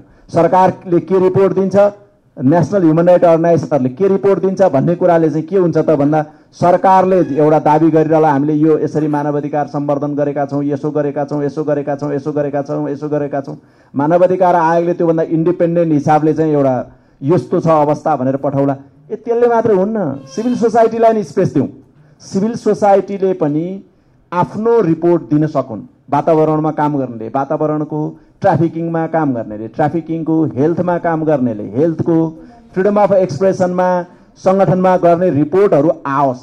जसले चाहिँ ताकि त्यो देशको सबै अवस्थाहरू झल्कियोस् भनेर सुरु गरेको यो प्रोसेस हेर्नुहोस्। असाध्यै महत्त्वपूर्ण प्रोसेस हो। नेपालमा धेरै संस्थाहरू यसमा काम गर्नुभएको थियो। तर दुःखको कुरा के भने फ्रिडम अफ एसोसिएसन र फ्रिडम अफ एक्सप्रेसनमा चाहिँ नेपालको फ त्यति धेरै तपाईँको संस्थाहरूको इङ्गेजमेन्ट थिएन। अनि हामीले फ्रिडम फोरमले के सोच्यौँ भने होइन यो मानवाधिकार परिषदले संयुक्त राष्ट्रसङ्घको मानवाधिकार परिषदले सिर्जना गरेको एउटा राम्रो छलफल बहसको प्लेटफर्ममा हाम्रो देशको अभिव्यक्ति स्वतन्त्रताको अवस्थाको बारेमा प्रेस फ्रिडमको अवस्थाको बारेमा सङ्गठन स्वतन्त्रता भेला हुन पाउने स्वतन्त्रता जुन चाहिँ सबैभन्दा महत्त्वपूर्ण नागरिक अधिकार हो। त्यस कारण यो नागरिक अधिकारको बारेमा पनि रिपोर्ट चाहिँ नागरिक तहबाट पनि जाओस् भनेर हामीले चाहिँ फर्स्ट राउन्डदेखि नै यसमा पहलहरू सुरु गऱ्यौँ। र हामीले पहिला अभिव्यक्ति स्वतन्त्रताको सम्बन्धमा मात्रै अन्तर्राष्ट्रिय संस्थाहरू हाम्रो खास गरी हाम्रो सम्बन्ध भएका संस्थाहरूसँग संयुक्त रूपमा पेस गर्दै आएका थियौँ। पछिल्लो चरणमा चाहिँ हामीले सो सङ्गठन स्वतन्त्रताको बारेमा पनि यो सिभिकस भनेको चाहिँ संसारभरि नै यो फ्रिडम अफ एसोसिएसन र एसेम्ब्लीको लागि काम गर्ने नागरिक समाजहरूको विश्व सञ्जाल हो। असाध्यै धेरै यसले चाहिँ यो सो यो स्वतन्त्रताको प्रवर्धनमा काम गर्छ। सिभिकससँग पनि हामीले यो रिपोर्ट चाहिँ पेस गऱ्यौँ। तर हामी पनि के थियो भने खालि एउटा रिपोर्ट सबमिसन गर्ने अनि रिपोर्ट सबमिसन पछि हामी पनि बिर्सेर बस्ने। अनि केही भयो भने कहिलेकाहीँ मन्त्री परिषद सचिवालयको कानुन अधिकृतलाई फोन गरेर ए त्यो रिपोर्टमा भइरहेको कामहरू के भयो हँ? भनेर कहिलेकाहीँ सोध्ने बाहेक हामीले पनि काम गरिरहेका थिएनौँ। हामी पनि वास्तवमा यसमा चाहिँ कमजोर नै थियौँ। र हामीले यसपाला के गर्यौँ भने होइन। यो जति भए पनि नेपालले अन्तर्राष्ट्रिय समुदायको बिचमा मजाले चाहिँ राष्ट्र सरकारले आफ्नो कुरा भन्छ। अझ हुँदा हुँदा त नेपाल त ह्युमन राइट्सको च्याम्पियन भएर चुनावै जितिसक्यो काउन्सिलमै आइसक्यो। भनेपछि त ऊ नै त्यहाँ सरकारको हुन्छ। उसको मात्रै कुरा हुन्छ उसको मात्रै छलफल हुन्छ अन्तर्राष्ट्रिय समुदायलाई त उसको मात्रै भनिन्छ। यसरी त भएन भनेर अब यसलाई फलोअप पनि गर्नु पर्यो। अब राष्ट्रिय मानवाधिकार आयोगले त फलोअप गरिराखेका थियो होइन? विभिन्न अरू संस्थाहरूसँग मिलेर उहाँहरूको मेकानिजम हामीले यस्तो राम्रो अहिले मुरारीजीको वास्तवमा मैले त्यो प्रेजेन्टेसन पहिलोचोटि सुनेको। म पनि धेरै लाभान्वित पाएँ यति मजाको एउटा त्यो चाहिँ हामी सबैलाई एउटा किताब सबै नागरिक समाजका संस्थाहरू मिडियाका सिभिल सोसाइटीको यो स्वतन्त्रताको लागि काम गर्ने अभिव्यक्ति स्वतन्त्रताको लागि काम गर्नेमा आज हाम्रो सचिवज्यूले प्रस्तुत गर्नुभएको प्रेजेन्टेसन चाहिँ एउटा ठुलो पाठ नै हुन्छ। हामी सबैलाई त्यो प्रशिक्षण चाहिन्छ। म आयोगलाई यो अनुरोध पनि गर्छु। हामीले अझ धेरै सिक्नुपर्ने छ नेपालको नागरिक समाजका संस्थाहरूले अभियन्ताहरूले। र वास्तवमा यो युपिआर प्रोसेस के हो? युपिआर प्रोसेसमा कस्तो कस्तो चाहिँ रिपोर्टहरू सब्मिट भएका थिए? डिस्कसन्सहरू कस्तो कस्तो भएको थियो? रेकमेन्डेसन्सहरू कस्ता कस्ता आए? कुन चाहिँ रेकमेन्डेसनलाई हाम्रो सरकारले एक्सेप्ट गर्यो? कुन चाहिँ रेकमेन्डेसनलाई नोटेड मात्रै गर्यो? नोटेड भनेको चाहिँ एक्सेप्ट नगरेको मलाई मैले तिम्रो ध्यानमा लिएँ तिमीले भनेको कुरा भने मात्रै हो। त्यस्ता कुराहरू के हुन् भनेर बहस गर्ने। अनि त्यसलाई फेरि कार्यान्वयन के भयो त? कार्यान्वयन कहाँनिर भइरहेछ? भने यो कुराको मोनिटरिङ हाम्रो तहबाट पनि हुनुपर्ने हो। हामीले गर्न सकेका थिएनौँ। र यसपालि हामीले होइन यो कर्तव्य हामी अगाडि बढ्नुपर्छ। किनभने क्लाइमेट चेन्जको कुरा तपाईँको ट्राफिकिङको कुरा अनि अरू तपाईँको चाहिँ यो डिसेपेरेन्सेसको कुराहरू अब यस्तो किलिङ्सको कुराहरू अरू सिरियस ह्युमन राइट डिस्क्रिमिनेसनका कुराहरूमा थुप्रै डिस्कोर्सहरू भएको पाउँछौँ। तर खासमा यो स्व सङ्गठन स्वतन्त्रता र तपाईँको चाहिँ अभिव्यक्ति स्वतन्त्रतामा काम गर्नुपर्ने हाम्रो मिस नेसनल नेटवर्कहरू भनेको एनजिओ फेडरेसन पत्रकार महासङ्घ बार एसोसिएसन जस्ता हाम्रा नेसनल सिभिल सोसाइटी एसोसिएसनहरू हुन् र हामी चाहिँ त्यसका एउटा सहयोगीहरू त्यसैले हामीले चाहिँ यसमा कर्तव्य पुरा गरेर रहन्छौँ जस्तो मलाई फिल भयो र आयोगलाई हामीले अनुरोध गऱ्यौँ र यो कार्यक्रम भयो। र यो कार्यक्रम कुनै पनि डोनरको पैसा होइन। र यसमा सम्पूर्ण रूपमा चाहिँ राष्ट्रिय मानवाधिकारले यत्रो ज्ञान रिसोर्स र उहाँहरूले एउटा यो प्रस्तुति दिनुभयो। फ्रिडम फोरमले यसले लजिस्टिक एरेन्जमेन्ट गर्यो। हामीसँग रिसोर्सै नभए पनि यो पहल गरेको। त्यसले यहाँ उपस्थित हुनुभएका सबै साथीहरूलाई पनि म के भन्छु भनेदेखि यो पहलहरूलाई हामीले अगाडि बढाउँ। सबैले अब अझ आज फ्रिडम अफ एक्सप्रेसनमा मात्रै कुरा नभएर फ्रिडम अफ एसोसिएसनमा मात्रै फोकस भएन कि? त्यसका छुट्टा छुट्टै गर्नुपर्ने हो कि? यो चाहिँ हामी गरौँ भन्ने मेरो एउटा यो मौकामा मैले अनुरोध गरेँ किनभने अझ हाम्रो स्पिकरहरू बाँकी हुनुहुन्छ। म छोटकरीमा भन्छु। विषयवस्तुमा जाँदाखेरि हामीले के हेर्नु पऱ्यो भने कतिपय साथीहरूले यसको बारेमा यो कुरो त यो रिपोर्टमा रहन्छ नि यो आएन नि यस्तो हुनुपर्ने भन्ने भन्नुभएको छ त्यो ठिक हो। अब यसमा मेरो सल्लाह के भने यो रिपोर्ट त दुई हजार बिसमा बनाएको रिपोर्टहरू। दुई हजार बिस पछिको घटनाहरू त यसमा आउने कुरा भएन हामीले जुन बनाएको रिपोर्टहरूमा अथवा रेकमेन्डेसनमा नै आउने भएन। घटनाहरू त सधैँ हुन्छ। अब अहिले एकदमै इम्पोर्टेन्ट पोइन्टमा हामी छौँ। यसमा बढी आइन डेटाले नि गर्न सक्छ डिआरएनले नि गर्न सक्छ मिडिया एक्सनले नि गर्न सक्छ। हामी सबैले गर्न सक्छौँ कि नेपाल सरकारले चाहिँ यसको मिड टर्म रिपोर्ट पठाउँदैछ। नेपाल सरकारले जे जे कमिटमेन्ट गरेका थियो एक सय छयानब्बेवटामा कमिटमेन्ट गर्यो नि त नारायण खड्का प्रदीप ग्यावलीजी र नारायण खड्काजीले त गर्नुभयो। हामी यसो गर्छौँ यसो गर्छौँ यसो गर्छौँ यसो गर्छौँ भनेर। अनि कतिपय कुरालाई चाहिँ उहाँहरूले गर्छौँ होइन त्यो कुरा हामीले ध्यानमा राख्यौँ भन्नुभएको छ। त्यो ध्यानमा राखेका कुरा पनि ध्यान मात्रै भयो कि? त्यसलाई चाहिँ लात्तले हान्नुभयो। त्यो कुराहरू चाहिँ हामीले अब उठाउनु पर्यो। मिड टर्म रिपोर्ट जाँदैछ। फोर साइकल होइन। फोर साइकललाई त पच्चिसमा आउँछ। पच्चिसमा आउँछ। अब पच्चिसमा हामी हुने डिस्कसनमा के रिपोर्ट पठाउने कस्तो हुने के छलफल गर्ने त्यसमा फेरि गरौँला। तर फोर्थ साइकलमा अहिले चिन्ता नगरौँ। डकुमेन्टेसनहरू गरौँ। घटनाहरू राखौँ। यस्तो ट्रेन्डहरू एनालिसिस गरौँ। तर अहिले मिड टर्म गभर्मेन्टले जवाफ दिएको छैन जवाफ दिँदैछ। नेपाल सरकार भन्यो नि त जस्तो चाहिँ तपाईँको त्यो बेलामा त हामीले भन्यौँ रेकमेन्डेसनहरू तपाईँहरूले देख्नुभयो। आइसिटी विधेयक चाहिँ विथड्र गर भन्यो गभर्मेन्टले विथड्र त गर्यो तर नयाँ आइसिटी विधेयक ल्याएको छैन। इटिए संशोधन गर भन्यो गरेका छैन। ब्रोडकास्टिङ लहरू जथाभावी संशोधन गर्यो यसलाई सुधार गर भन्यो गरेका छैन। पोलिसी रिफर्ममा अरू प्र्याक्टिसका कुराहरू छ अस जस्तो एसेम्ब्ली राइट्सकै कुरा गऱ्यौँ भने हाम्रो तपाईँको रेस्ट्रिक्टेड जोन बनाएको थियो सर्वोच्च अदालतले त्यसलाई सुधार गरिदियो। सरकारले त गरेन। सरकारले त फिर्ता लिएन। अहिले सर्वोच्च अदालतले नै यो सरकारले गैर कानुनी काम गरे हो भनिदियो। यस्ता केही प्रोग्रेसहरू कहाँ कहाँबाट भयो के भए यी सबै कुराहरू हामी चाहिँ अगाडि लिएर जाउँ। सिएसओकै कुरा गऱ्यो भने सिएसओकोलाई इनेबलिङ वातावरण बनाउँछु भने अब गभर्मेन्टले अहिलेसम्म कानुन बनेन। अहिलेसम्म चाहिँ त्यो अरू कुराहरू आएन। अब अहिले सरकार के जवाब दिन्छ त अब? अब अहिले चाहिँ एनपी साउदजीले के दिनुहुन्छ? या धनराज गुरुङजीले के दिनुहुन्छ? या प्रधानमन्त्री कार्यालयको सचिवले के दिनुहुन्छ? अब पर्सि ह्युमन राइट काउन्सिलमा गएर उभिएर के भन्नुहुन्छ त यी कुराहरूमा? यो प्रश्न सोध्ने कर्तव्य चाहिँ मिडियाको हो। प्रश्न सोध्ने कर्तव्य चाहिँ सिभिल सोसाइटीको हो। हामीले प्रश्नहरू सोधौँ लेखौँ बोलौँ ध्यानाकर्षण गरौँ र दबाब दिउँ। र न नभएको कुराहरूमा हामी वी क्यान हामी सबैले लेखौँ पब्लिकली भनौँ।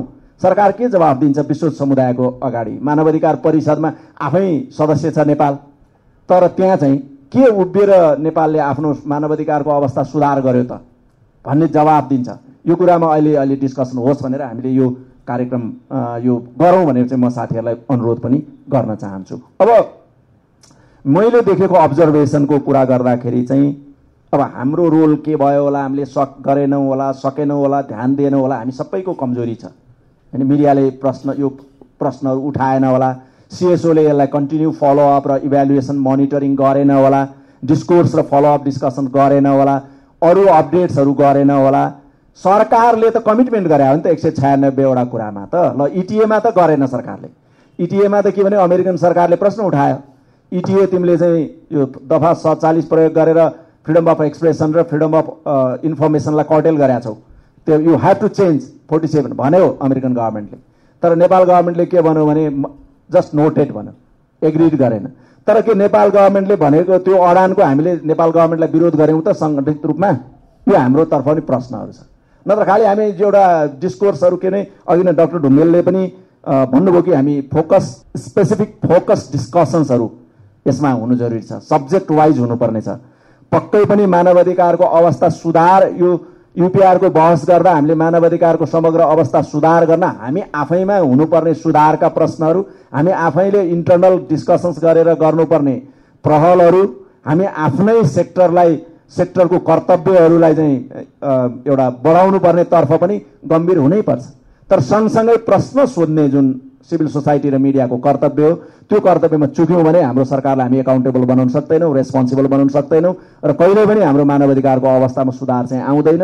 जहिले पनि सरकारले एउटा चिल्लो घस्ने मात्रै काम गर्छ काम चाहिँ उल्टो उल्टो गर्दै नै जान्छ। अब अर्को यहाँ साथीहरूले केही गम्भीर प्रश्नहरू उठ्नुभयो।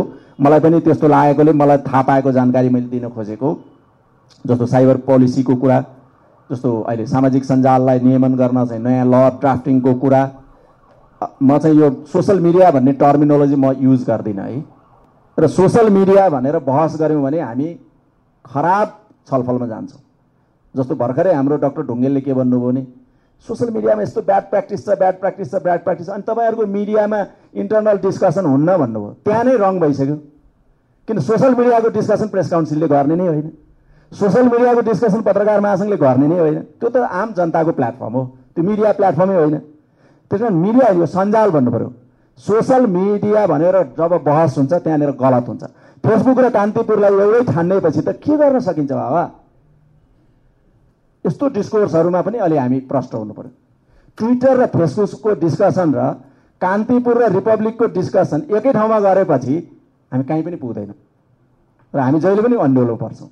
त्यसमा यस्तो डिस्कसनहरूमा यो पनि छुट्टिनुपर्छ भन्ने मेरो आग्रह हो है।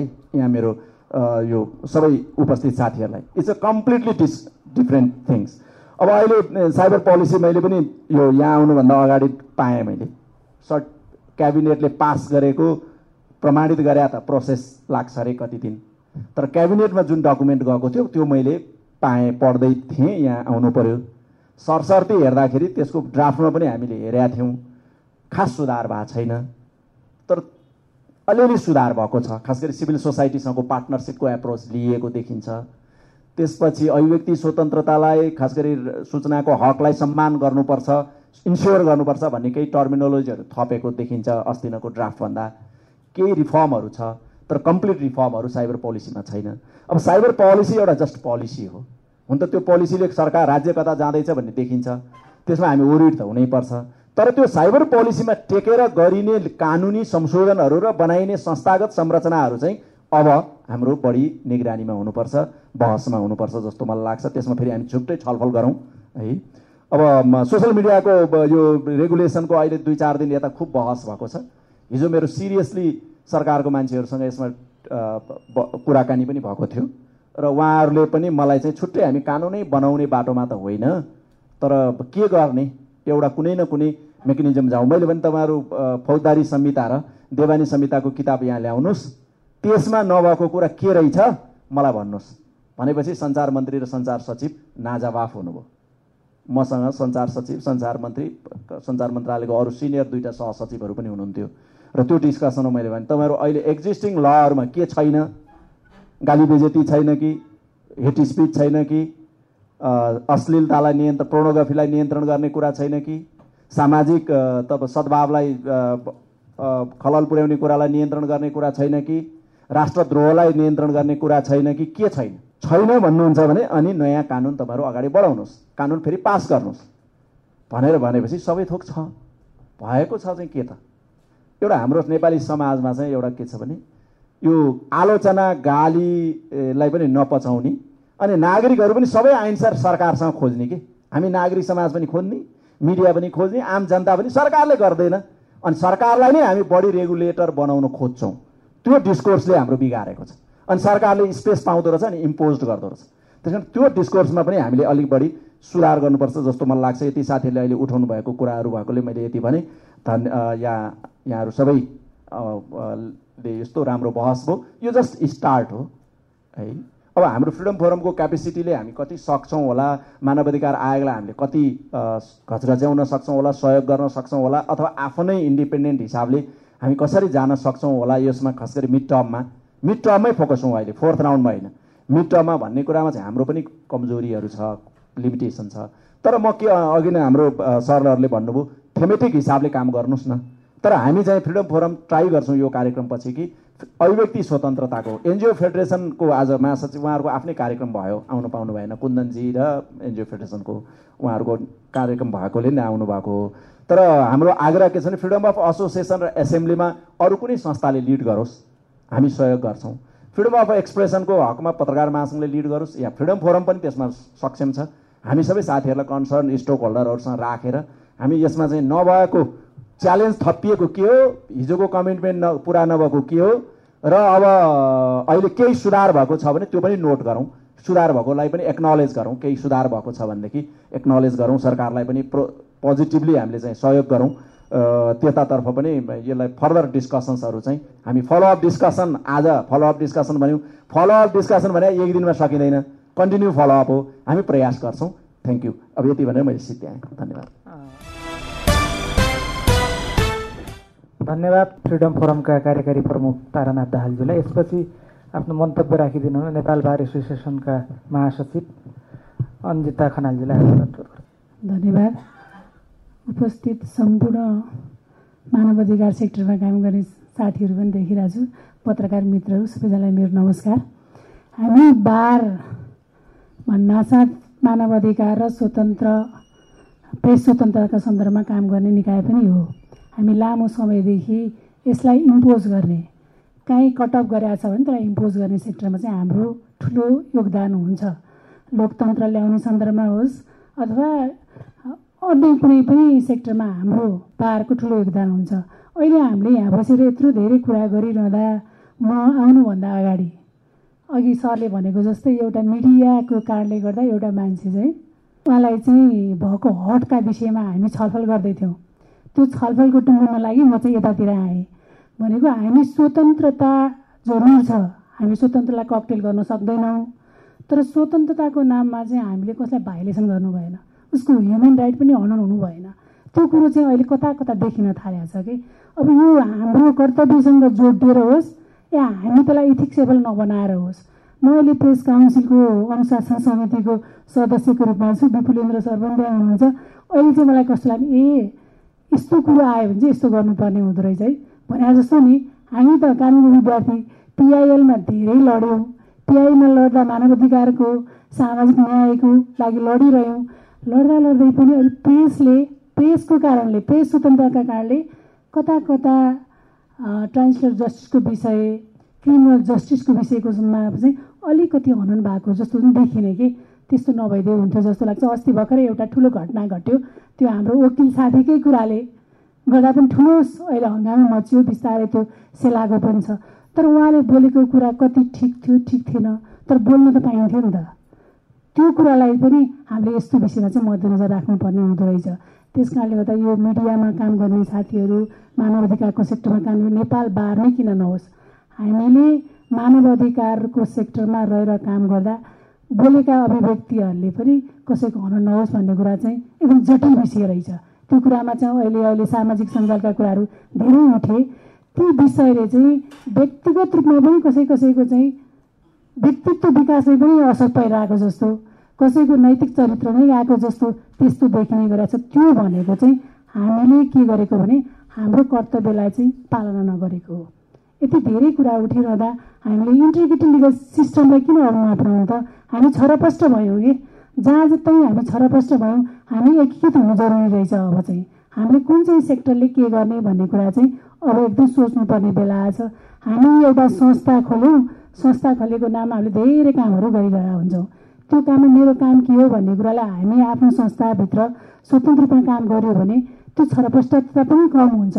त्यस कारणले गर्दा आफ्नो आइडेन्टिटीलाई दिन पनि सजिलो हुन्छ। र हामीले गर्ने रिपोर्टलाई पनि एकताबद्ध बनाउन सक्छौँ। त्यो कुरामा चाहिँ ध्यान दिनुपर्छ जस्तो लाग्छ। नेपाल बार त अब एउटा कानुन व्यवसायको संरक्षण गर्ने मानव मानव अधिकारको सेक्टरमा अहम भूमिका निभाउने प्रेस स्वतन्त्रताको निम्ति काम गर्ने संस्था हो। त्यसो हुँदा हुँदै पनि हाम्रो चाहिँ प्रोफेसनल सिस्टमभित्रै रहन्छौँ हामी। प्रोफेसनल हक हितका मात्रै कुरा गर्ने हुन्छौँ। त्योभित्र कसैले मानव अधिकारको हनन गर्यो भने आवाज निकालिदिन्छौँ। प्रेस स्वतन्त्रतामा कसैले राज्यले हनन गर्यो भने हामी आवाज निकाल्छौँ। यति हुँदा हुँदै पनि हामीले के गर्नु पऱ्यो भने हामी चाहिँ सबै सेक्टरमा काम गर्ने साथीहरू अथवा संस्थाहरू निकायहरू एकदमै कर्तव्य विमुख हुनु भएन। त्यस्तो भयो भने समस्या आउँदो रहेछ। कहिले कहिले मिडियामा क्रिमिनल जस्टिसको सिस्टम क्रिमिनल लको सिस्टममा चाहिँ मिडिया ट्रायल गर्दा त्यो अभियोजन गर्ने न्याय निरूपण गर्ने सन्दर्भमा पनि गाह्रो हुँदो रहेछ। त्यस कारणले गर्दा त्यो कुरालाई पनि म त अहिले नेपाल बारमा आएदेखि धेरै पत्रकार साथीहरूसँग के कुरा गर्छु भने यो ज जति कोर्टमा पुगेका विषयवस्तु छन् त्यस्ता विषयहरूलाई चाहिँ मिडिया ट्रायलबाट बाहिर नल्याइदिनु होला। किनभने प्रमाणै हुनु भए जस्तो न्याय नै नपाउने जस्तो बिचमा चाहिँ छरपष्ट भएको जस्तो हुँदा पनि न्यायाधीशले पनि त्यो जति मिडिया ट्रायलमा हुन्छ उहाँहरू चाहिँ आफै डराएको जस्तो कि त्यस कारणले न्याय निरूपण गर्दा पनि समस्या आएको जस्तो हुँदो रहेछ। त्यस कारणले गर्दा अन्तमा म के भन्छु भने हामीले जति जति काम जुन जुन सेक्टरमा रहेर गरेका छौँ त्यो कामलाई चाहिँ एकताबद्ध गर्ने सिस्टममा चाहिँ च्यालेन्जिङ छ अहिले। किनभने हामीले गरेका कामहरू हामी कर्तव्य विमुख भएर पनि कहिले कहिले गरिरहेको जस्तो देखिएको छ। त्यस कारणले गर्दा हामी एउटा कुनै पनि क्षेत्रमा त एकीकृत बनाउनु जरुरी छ। हामीले मानव अधिकारको सेक्टरमा कसले काम गर्ने त्यसलाई त्यही सेक्टरमा दिउँ त्यही स्वतन्त्रताको लागि कसले गर्ने हो त्यसलाई एकीकृत नै गरौँ। त्यसो गऱ्यो भने हामी अलि स्वच्छन्द हुन सक्छौँ कि भन्ने मलाई लाग्छ। त्यस कारणले गर्दा हाम्रो अहिले त म भन्यो भने बारको बारले गर्नुपर्ने कुराको सन्दर्भमा मानव अधिकारकै विषय किन नहोस् स्वतन्त्र प्रेसकै किन नहोस् स्वतन्त्र अर्गनाइजेसनकै विषयमा हामी एकदम स्पष्ट छौँ। हामी यसलाई कसैले ककटेल गर्छौँ त्यसको विरुद्धमा आवाज निकाल्छौँ। भन्दै मेरो ती शब्द यहीँ टुङ्गाउँछु। धन्यवाद। यसै गरी आफ्नो मन्तव्य राखिदिनु नेपाल पत्रकार महासङ्घका अध्यक्ष विपुल पोखरेलजीलाई। धन्यवाद। अध्यक्षज्यू तारादाई बारका महासचिवज्यू लगायत सम्पूर्ण महानुभावहरू। महत्त्वपूर्ण छलफल भएको छ र धेरै कुरा आइसकेको छ। अब समय व्यतीत गर्ने मात्रै कुरा हो जस्तो लाग्छ मलाई। सबभन्दा पहिले त यो युपिआरको बारेमा जुन हामीले छलफल गर्दैछौँ यो छलफलको निष्कर्ष हामीले कहाँसम्म पुर्याउन सक्छौँ भन्ने सन्दर्भको मेकानिजमका बारेमा पनि सोध्नुपर्छ भन्ने मलाई लाग्छ। सरकारले दिने प्रतिवेदन मानवाधिकार परिषदमा दिने प्रतिवेदन आधिकारिक होला त्यसमाथि छलफल गर्ला। तर सरकारले अहिलेसम्म सरकारको जुन कन्सर्न हुनुपर्ने कुरा हो त्यो विषयमा उसको धारणा के हो त भन्ने सन्दर्भमा अहिले पनि कुनै सार्वजनिक भएको छैन। तपाईँ हाम्रो लेभलमा चाहिँ सरकारले यस्तो कुरा लैजाँदैछ है परिषदमा भन्ने कुरा हामीलाई थाहा छैन। त्यो थाहा छैन एउटा कुरा अर्को कुरा लगे पनि सरकारले आफूलाई सेफ पोजिसनमा सेफ सेफ जोनमा राखेर लगेर राख्छ। र हामीले अधिकारको कुराको प्रयोगको कुरा गर्दाखेरि अहिले पनि हामी कुनै पनि वर्ग हामी अधिकारको सन्दर्भमा हामी एउटा सम्पूर्ण रूपमा स्वतन्त्रताको अभ्यास गर्न पाउने अवस्थामा छौँ भनेर भनिरहेको अवस्था छैन।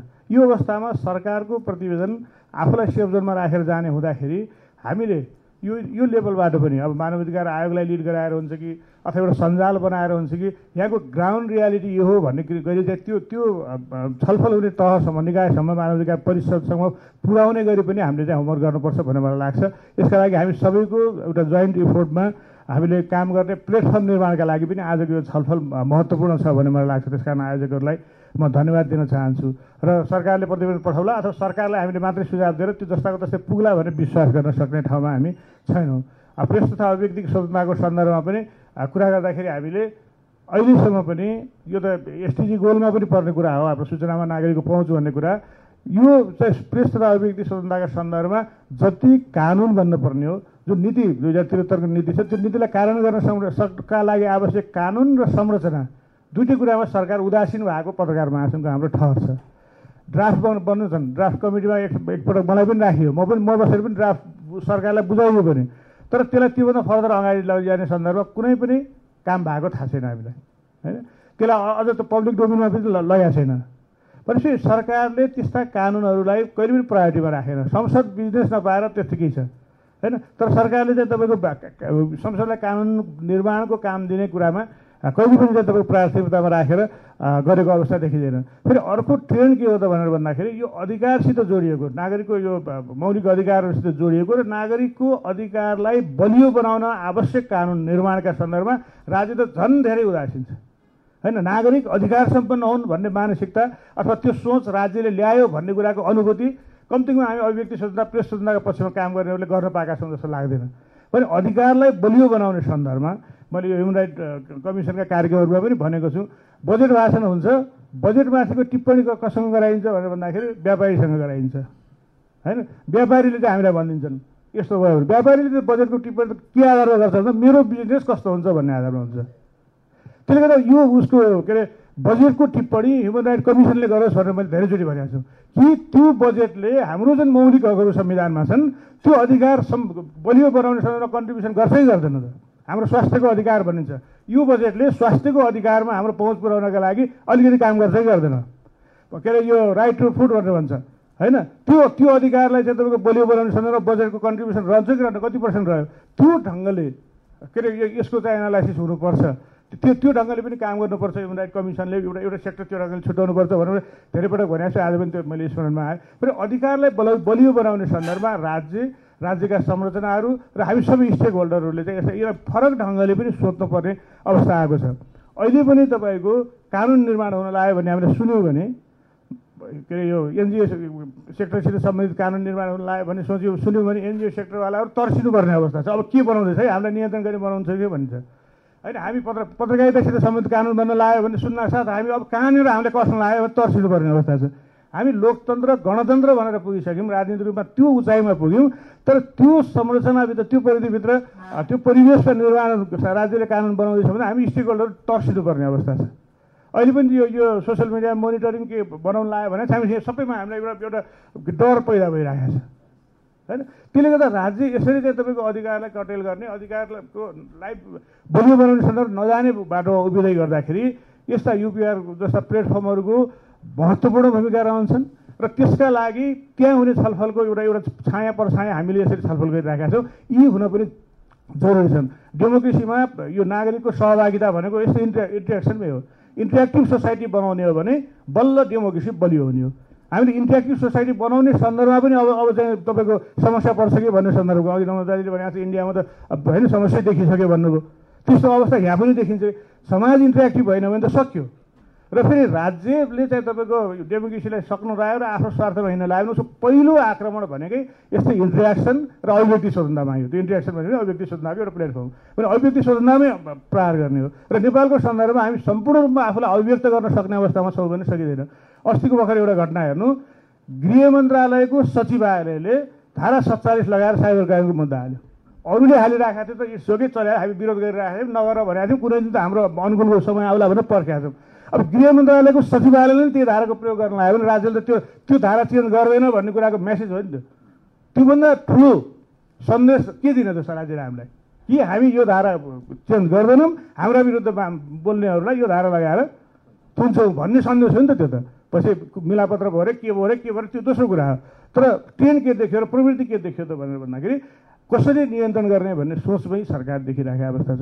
त्यसले गर्दा यस्ता प्लेटफर्महरू इन्टरेक्टिभ सोसाइटी बनाउनेका लागि हामीले अझ धेरै काम गर्न जरुरी छ र युपिआर त्यो परिषदहरूमा सरकारको मात्रै प्रतिवेदन जाने र त्यसका आधारमा मात्रै छलफल हुँदै गर्दाखेरि सरकार सेफ जोनमा राखेर प्रतिवेदन बुझाउँछ र नेपाल ठिक छ भन्ने अन्तर्राष्ट्रिय कम्युनिटीले के अरे बुझ्यो भनेपछि हामी अझ अधिकारको यो साँगुरो यो सङ्कुचनभित्र चाहिँ हामी पस्ने अवस्था हुन्छ।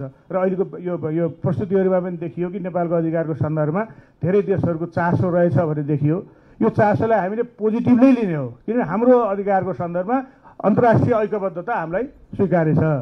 होइन हामी पनि संसारभरको कुनै पनि देशको अधिकारको सन्दर्भमा हामी पनि उनीहरूलाई समर्थन गर्ने गरी जान्छौँ। यो हाम्रो दोहोरो कमिटमेन्ट हो। त्यसले गर्दा यो यो विषयमा संसारभरिको चासो जुन छ त्यो चासोलाई सेल लुकाएर स्किप गरेर सरकार मात्रै त्यहाँ हुने अवस्था आउन नदिनका लागि मलाई लाग्छ मानवाधिकार आयोगकै नेतृत्वमा राम्रो होला जस्तो लाग्छ। हामीले फरक ढङ्गले पनि चाहिँ एउटा अभ्यास प्रारम्भ गरौँ भन्ने आग्रह गर्दै त्यसमा मेरो संस्था पत्रकार महासङ्घको भूमिका रोल जहाँ जति जस्तो रहन्छ त्यसका लागि हामी पनि प्रतिबद्ध रहेको जानकारी पनि गराउँदै आफ्नो भनाइ अन्त्य गर्छु। धन्यवाद। धन्यवाद नेपाल पत्रकार महासङ्घका अध्यक्ष विपुल पोखरेलज्यूलाई। निश्चय नै जीवन समानता स्वतन्त्रता मर्यादा यो आधारभूत रूपमा चाहिँ मानव अधिकारको संरक्षणका लागि राष्ट्रिय मानव अधिकार आयोगले आफ्नो जिम्मेवारी कर्तव्य पुरा गर्नेछ। र यहाँहरूको निरन्तर खबरदारी झकझायले नै आयोगले थप ऊर्जा दिने नै छ र आयोग यहाँसँग समन्वय सहकार्य गर्दै आधारभूत अधिकारहरूको संरक्षणको लागि लाग्ने नै छ भन्ने जानकारी गराउँदै अब यो कार्यक्रमलाई आफ्नो सम्बोधनसहित समापन गरिदिनु हुन फ्रिडम फोरमका अध्यक्ष हरि विनोद अधिकारीज्यूलाई निवेदन गर्छु र सञ्चालन क्रममा केही क्षमा गल्ती भएमा क्षमा प्रार्थी पनि छु। धन्यवाद। धन्यवाद जोशीजी। नेपाल पत्रकार महासङ्घका अध्यक्षज्यू नेपाल बार एसोसिएसनका महासचिवज्यू हाम्रो फ्रिडम फोरमका कार्यकारी प्रमुखज्यू अरू सम्पूर्ण आफ्नो संस्थालाई प्रतिनिधित्व गर्नुभएका मानव अधिकार आयोगका तथा अरू सबै संस्थाका साथीहरू आज हामीले एउटा सानो प्रयास फ्रिडम फोरम र राष्ट्रिय मानव अधिकार आयोगसँगको जुन सानो प्रयासमा पनि यति जति राम्रो अलि हाम्रो जुन अन्तर्क्रियात्मक हामीले कार्यक्रम गऱ्यौँ र साह्रै थोरै भए पनि हामीले एउटा राम्रो धारणाहरू आफ्ना राखेका छौँ। के देखिन्छ भने हामीले म अब एउटा सानो म पुरानो जमानाको कुरा गर्छु। नेपालको प्रजातन्त्रको बारेमा कसले भन्छ भनेर राष्ट्र पञ्चायतको बेलामा मौरी पालन सङ्घले गएर भनेछ नेपालमा डेमोक्रेसी छैन भनेर। तपाईँहरूलाई कतिलाई कुरो थाहा छ कि छैन? मौरी पालक सङ्घले त्यहाँ मौरी पालक सङ्घ चाहिँ दर्ता भएको रहेछ। त्यहाँ संयुक्त राष्ट्रसङ्घको के लोक हाम्रो चाहिँ एनजिओको रूपमा। त्यसले गएर के भनेछ भने नेपालमा छैन डेमोक्रेसी। त्यो गर्ने को हुँदो रहेछ भने पछि मन्त्री हुनुभयो मथुरा दाई। मथुरा दाई नै त्यहाँ गएर त्यो प्रस्तुत गर्नुभएको छ। नाउँ चाहिँ केबाट जानुभयो भने मौरी पालक सङ्घ भनेपछि त्यो त्यो ठाउँमा त्यति बोल्दा पनि त्यहाँबाट कतिपल्ट आयो होला नि त यहाँ चिठी आयो होला। नेपालमा डेमोक्रेसी छैन। त्यस कारणले हामीले त्यो प्रक्रियालाई अघि बढाउन पनि खालि हामीले के गर्छौँ मात्रै होइन सबैले आफ्नो ठाउँबाट गर्नु पर्यो। र जम्मैले हामीले सतर्कताका साथ एकदम वाच डग भएर हेऱ्यौँ र यो कुराको भोइस त्यहाँ पुर्याउन सक्यौँ भने जस्तो मिडियामा गयो भने त आउँदो रहेछ नि त। कोही त्यहाँ पुग्यो भने अब यहाँ अहिले हाम्रो यहाँ कस्तो हुन्छ भने मैले देखिरहेको छु पहिलेदेखि नै। जब कुनै नेपालको एनजिओको अथवा कुनै इन्डिपेन्डेन्ट संस्था जाने कुरा आउने बित्तिकै सरकार टाउ दुख्छ। अब के भन्ने भयो? मलाई लाग्छ मानव अधिकार आयोगको र नेपाल सरकारको पनि कतिपय ठाउँमा कुरा मिल्दैन। किन मानव अधिकारले इन्डिपेन्डेन्टली हामीले दिएका धारणा दिनु पर्यो अनि हामीले पनि अब नेपाल बारले दिनुपर्ने हो भने हामीले दिएका धारणा दिनु पर्यो ज आफ्नो सेक्टरमा। त्यसले गर्दा मलाई के लाग्छ भने अब हामीले सबै यति लामो कुरा गरिसक्यौँ मलाई त्यसलाई केही दोहोऱ्याउनु पर्ने केही छैन। हामीले चाहिँ सबैले आफ्नो ठाउँबाट गऱ्यौँ भने र यही मिड टर्म रिपोर्टमै पनि हामीले आफ्ना कुरा त्यहाँ जसरी मौरी पालक सङ्घका मान्छेले कुनै बेलामा पुर्याउँथे यहाँका कुरा ठिक त्यस्तै गरी हामीले पनि त्यो ढङ्गले पुर्याउन सक्यौँ भने पक्कै नै एक सय छयानब्बेवटा बुँदा त सरकारले स्वीकार गरे हो। म यो सुधार गर्छु। अँ यो ठिक छ। इस्टोनियाले भने पनि ठिक छ अमेरिकाले भने पनि ठिक छ ग्रिसले भने पनि ठिक छ म पुर्याउँछु। अथवा फलानले भने पनि ठिक छ भनेर। म आफ्नै पनि एउटा सानो उदाहरण दिँदै अन्त्य गर्छु। मैले चाहिँ म युएनमा बोल्न गएँ ताराजीलाई फोन गरेँ। ए बाबु के भन्ने होला? खास कुरो चाहिँ के होला भनेपछि दाजु त्यो सूचनाको हकको चाहिँ ऐन छ त्यो कुरो कसैलाई पनि थाहा छैन संसारमा। तपाईँले त्यो कुरा भनिदिनुहोस्। भनेर भने। अनि मैले मधुजीलाई राजदूतलाई के भने त्यो चाहिँ हाल्नु पऱ्यो है मधुजी। अरू त हाल्दै गरौँला म पनि त्यो त्यो चाहिँ हालिदिनुहोस् न भनेपछि कसले भने मैले मलाई थाहा छ त सूचनाको हकको ऐन भइसक्यो। म गएँ भदौको अन्तिमतिर के कार्तिकको सुरुमा गएँ भदौको पाँच गतेबाट त हाम्रो यहाँ तिन गतेबाट लागु भइसकेको थियो। दुई हजार सातमा। भनेपछि अनि त्यो कुरो मैले भन्दाखेरि त्यहाँ दुई मिनटसम्म थप्पड नेपालमा छ। अनि चेयरले के भन्यो भने म्याडम अँ म्याडम चेयरले के भन्नुभयो भने नेपालमा आरटिआई एक्ट आएछ। त्यसको लागि हामी नेपाललाई बधाई दिन्छौँ भनेर उहाँले भन्नुभयो।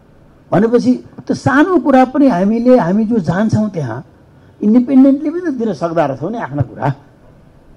त्यस कारणले तपाईँहरूमध्ये जसको आफ्नो स्रोत होला कुन कुन ढङ्गले जाने हो त्यति ढङ्गले अब यहाँ मेरै अघिल्तिर दुईवटा संस्थाहरू छन् जसले तुरुन्ता तुरुन्त लक्ष्मणजी हुनुहुन्छ जो बयालिस त्रिचालिस देशलाई उहाँले हेरिरहनु भएको छ सबैतिर भने यी कुराहरू जुन जुन कुरा भएका छैनन् त्यो कुरालाई हामीले नेपालको बेइज्जत भन्ने कुरो भएन। नेपालले यहीँ भनौँ हामी। नेपाल सरकारलाई अघि ताराजीले भने जस्तै यहीँ नै भनौँ यो यो कुरा तिमीले गरेको गरेनौ। र हुनु पर्थ्यो के भने यो यो रिभ्यूको जुन रिपोर्ट बुझाउनु त्यो त ओपन गरेर हामी सबैले थाहा पाएर अब यहाँ हाम्रो त दुर्भाग्य के छ भने ऐन आए एउटा नेपालीमा उखान त सबै जार र साधुको भेटै भएको छैन बिचमा मरे सातजना। भने जस्तो ऐन पास भयो रे विधेयक। संसदमा दर्ता भएको छैन आन्दोलन सुरु भइसक्यो। मारा मार अहिले अब संसद अनि प्रधानमन्त्रीले भने खोइ कसले गरेछ के गरेछ? अब त सुधार गर्ने भयो भनेर अब यस्तो अवस्था छ। त्यस कारणले म खालि त्यो चाहिँ मैले आफ्नो एउटा सम्झेको बेलाको कुरा भन्ने हो। यस्तो अवस्थामा हामीले सकेसम्म सरकारलाई बढीभन्दा बढी सजग र हामीले गर्नुपर्ने कर्तव्यहरू छन् भने त्यो पनि हाम्रो तर्फबाट पुरा गर्दै जाउँ भन्दै म सबै साथीहरूलाई यहाँ आउनुभयो। हामीले बोलायौँ। मानव अधिकार आयोगले बोलायो। त्यही मानव अधिकार आयोगलाई धेरै धन्यवाद। कमसेकम हामीले हामी एउटा सानो संस्थाले भन्दा पनि उहाँहरूले हाम्रो लागि यति सबैलाई बोलाइदिनु भयो अनि सबै साथीहरूसँग इन्टरेक्टिभ एउटा फोरम एउटा प्लेटफर्मको रूपमा आज हामीले कुरा गर्न पायौँ र सबै साथीहरूले मैले यहाँ देखेँ एकदम भर्खरको युवा साथीदेखि म जस्तो बुढो मान्छे पनि यहाँ छु। अनि सबै खालका मानिसहरूलाई जम्मा गरेर जुन एउटा इन्टरेक्टिभ फोरमको जुन काम गराउनु भयो। मानव अधिकार आयोगका साथीहरूलाई एकदम मानव अधिकार अब अध्यक्षजी गइसक्नुभयो कार्यभार। म मोहनजी मार्फत भुषालजी मार्फत बस्यालजी मार्फत म उहाँहरूलाई धन्यवाद दिन्छु। अनि सबै साथी आइदिनु भयो त्यसको लागि धन्यवाद।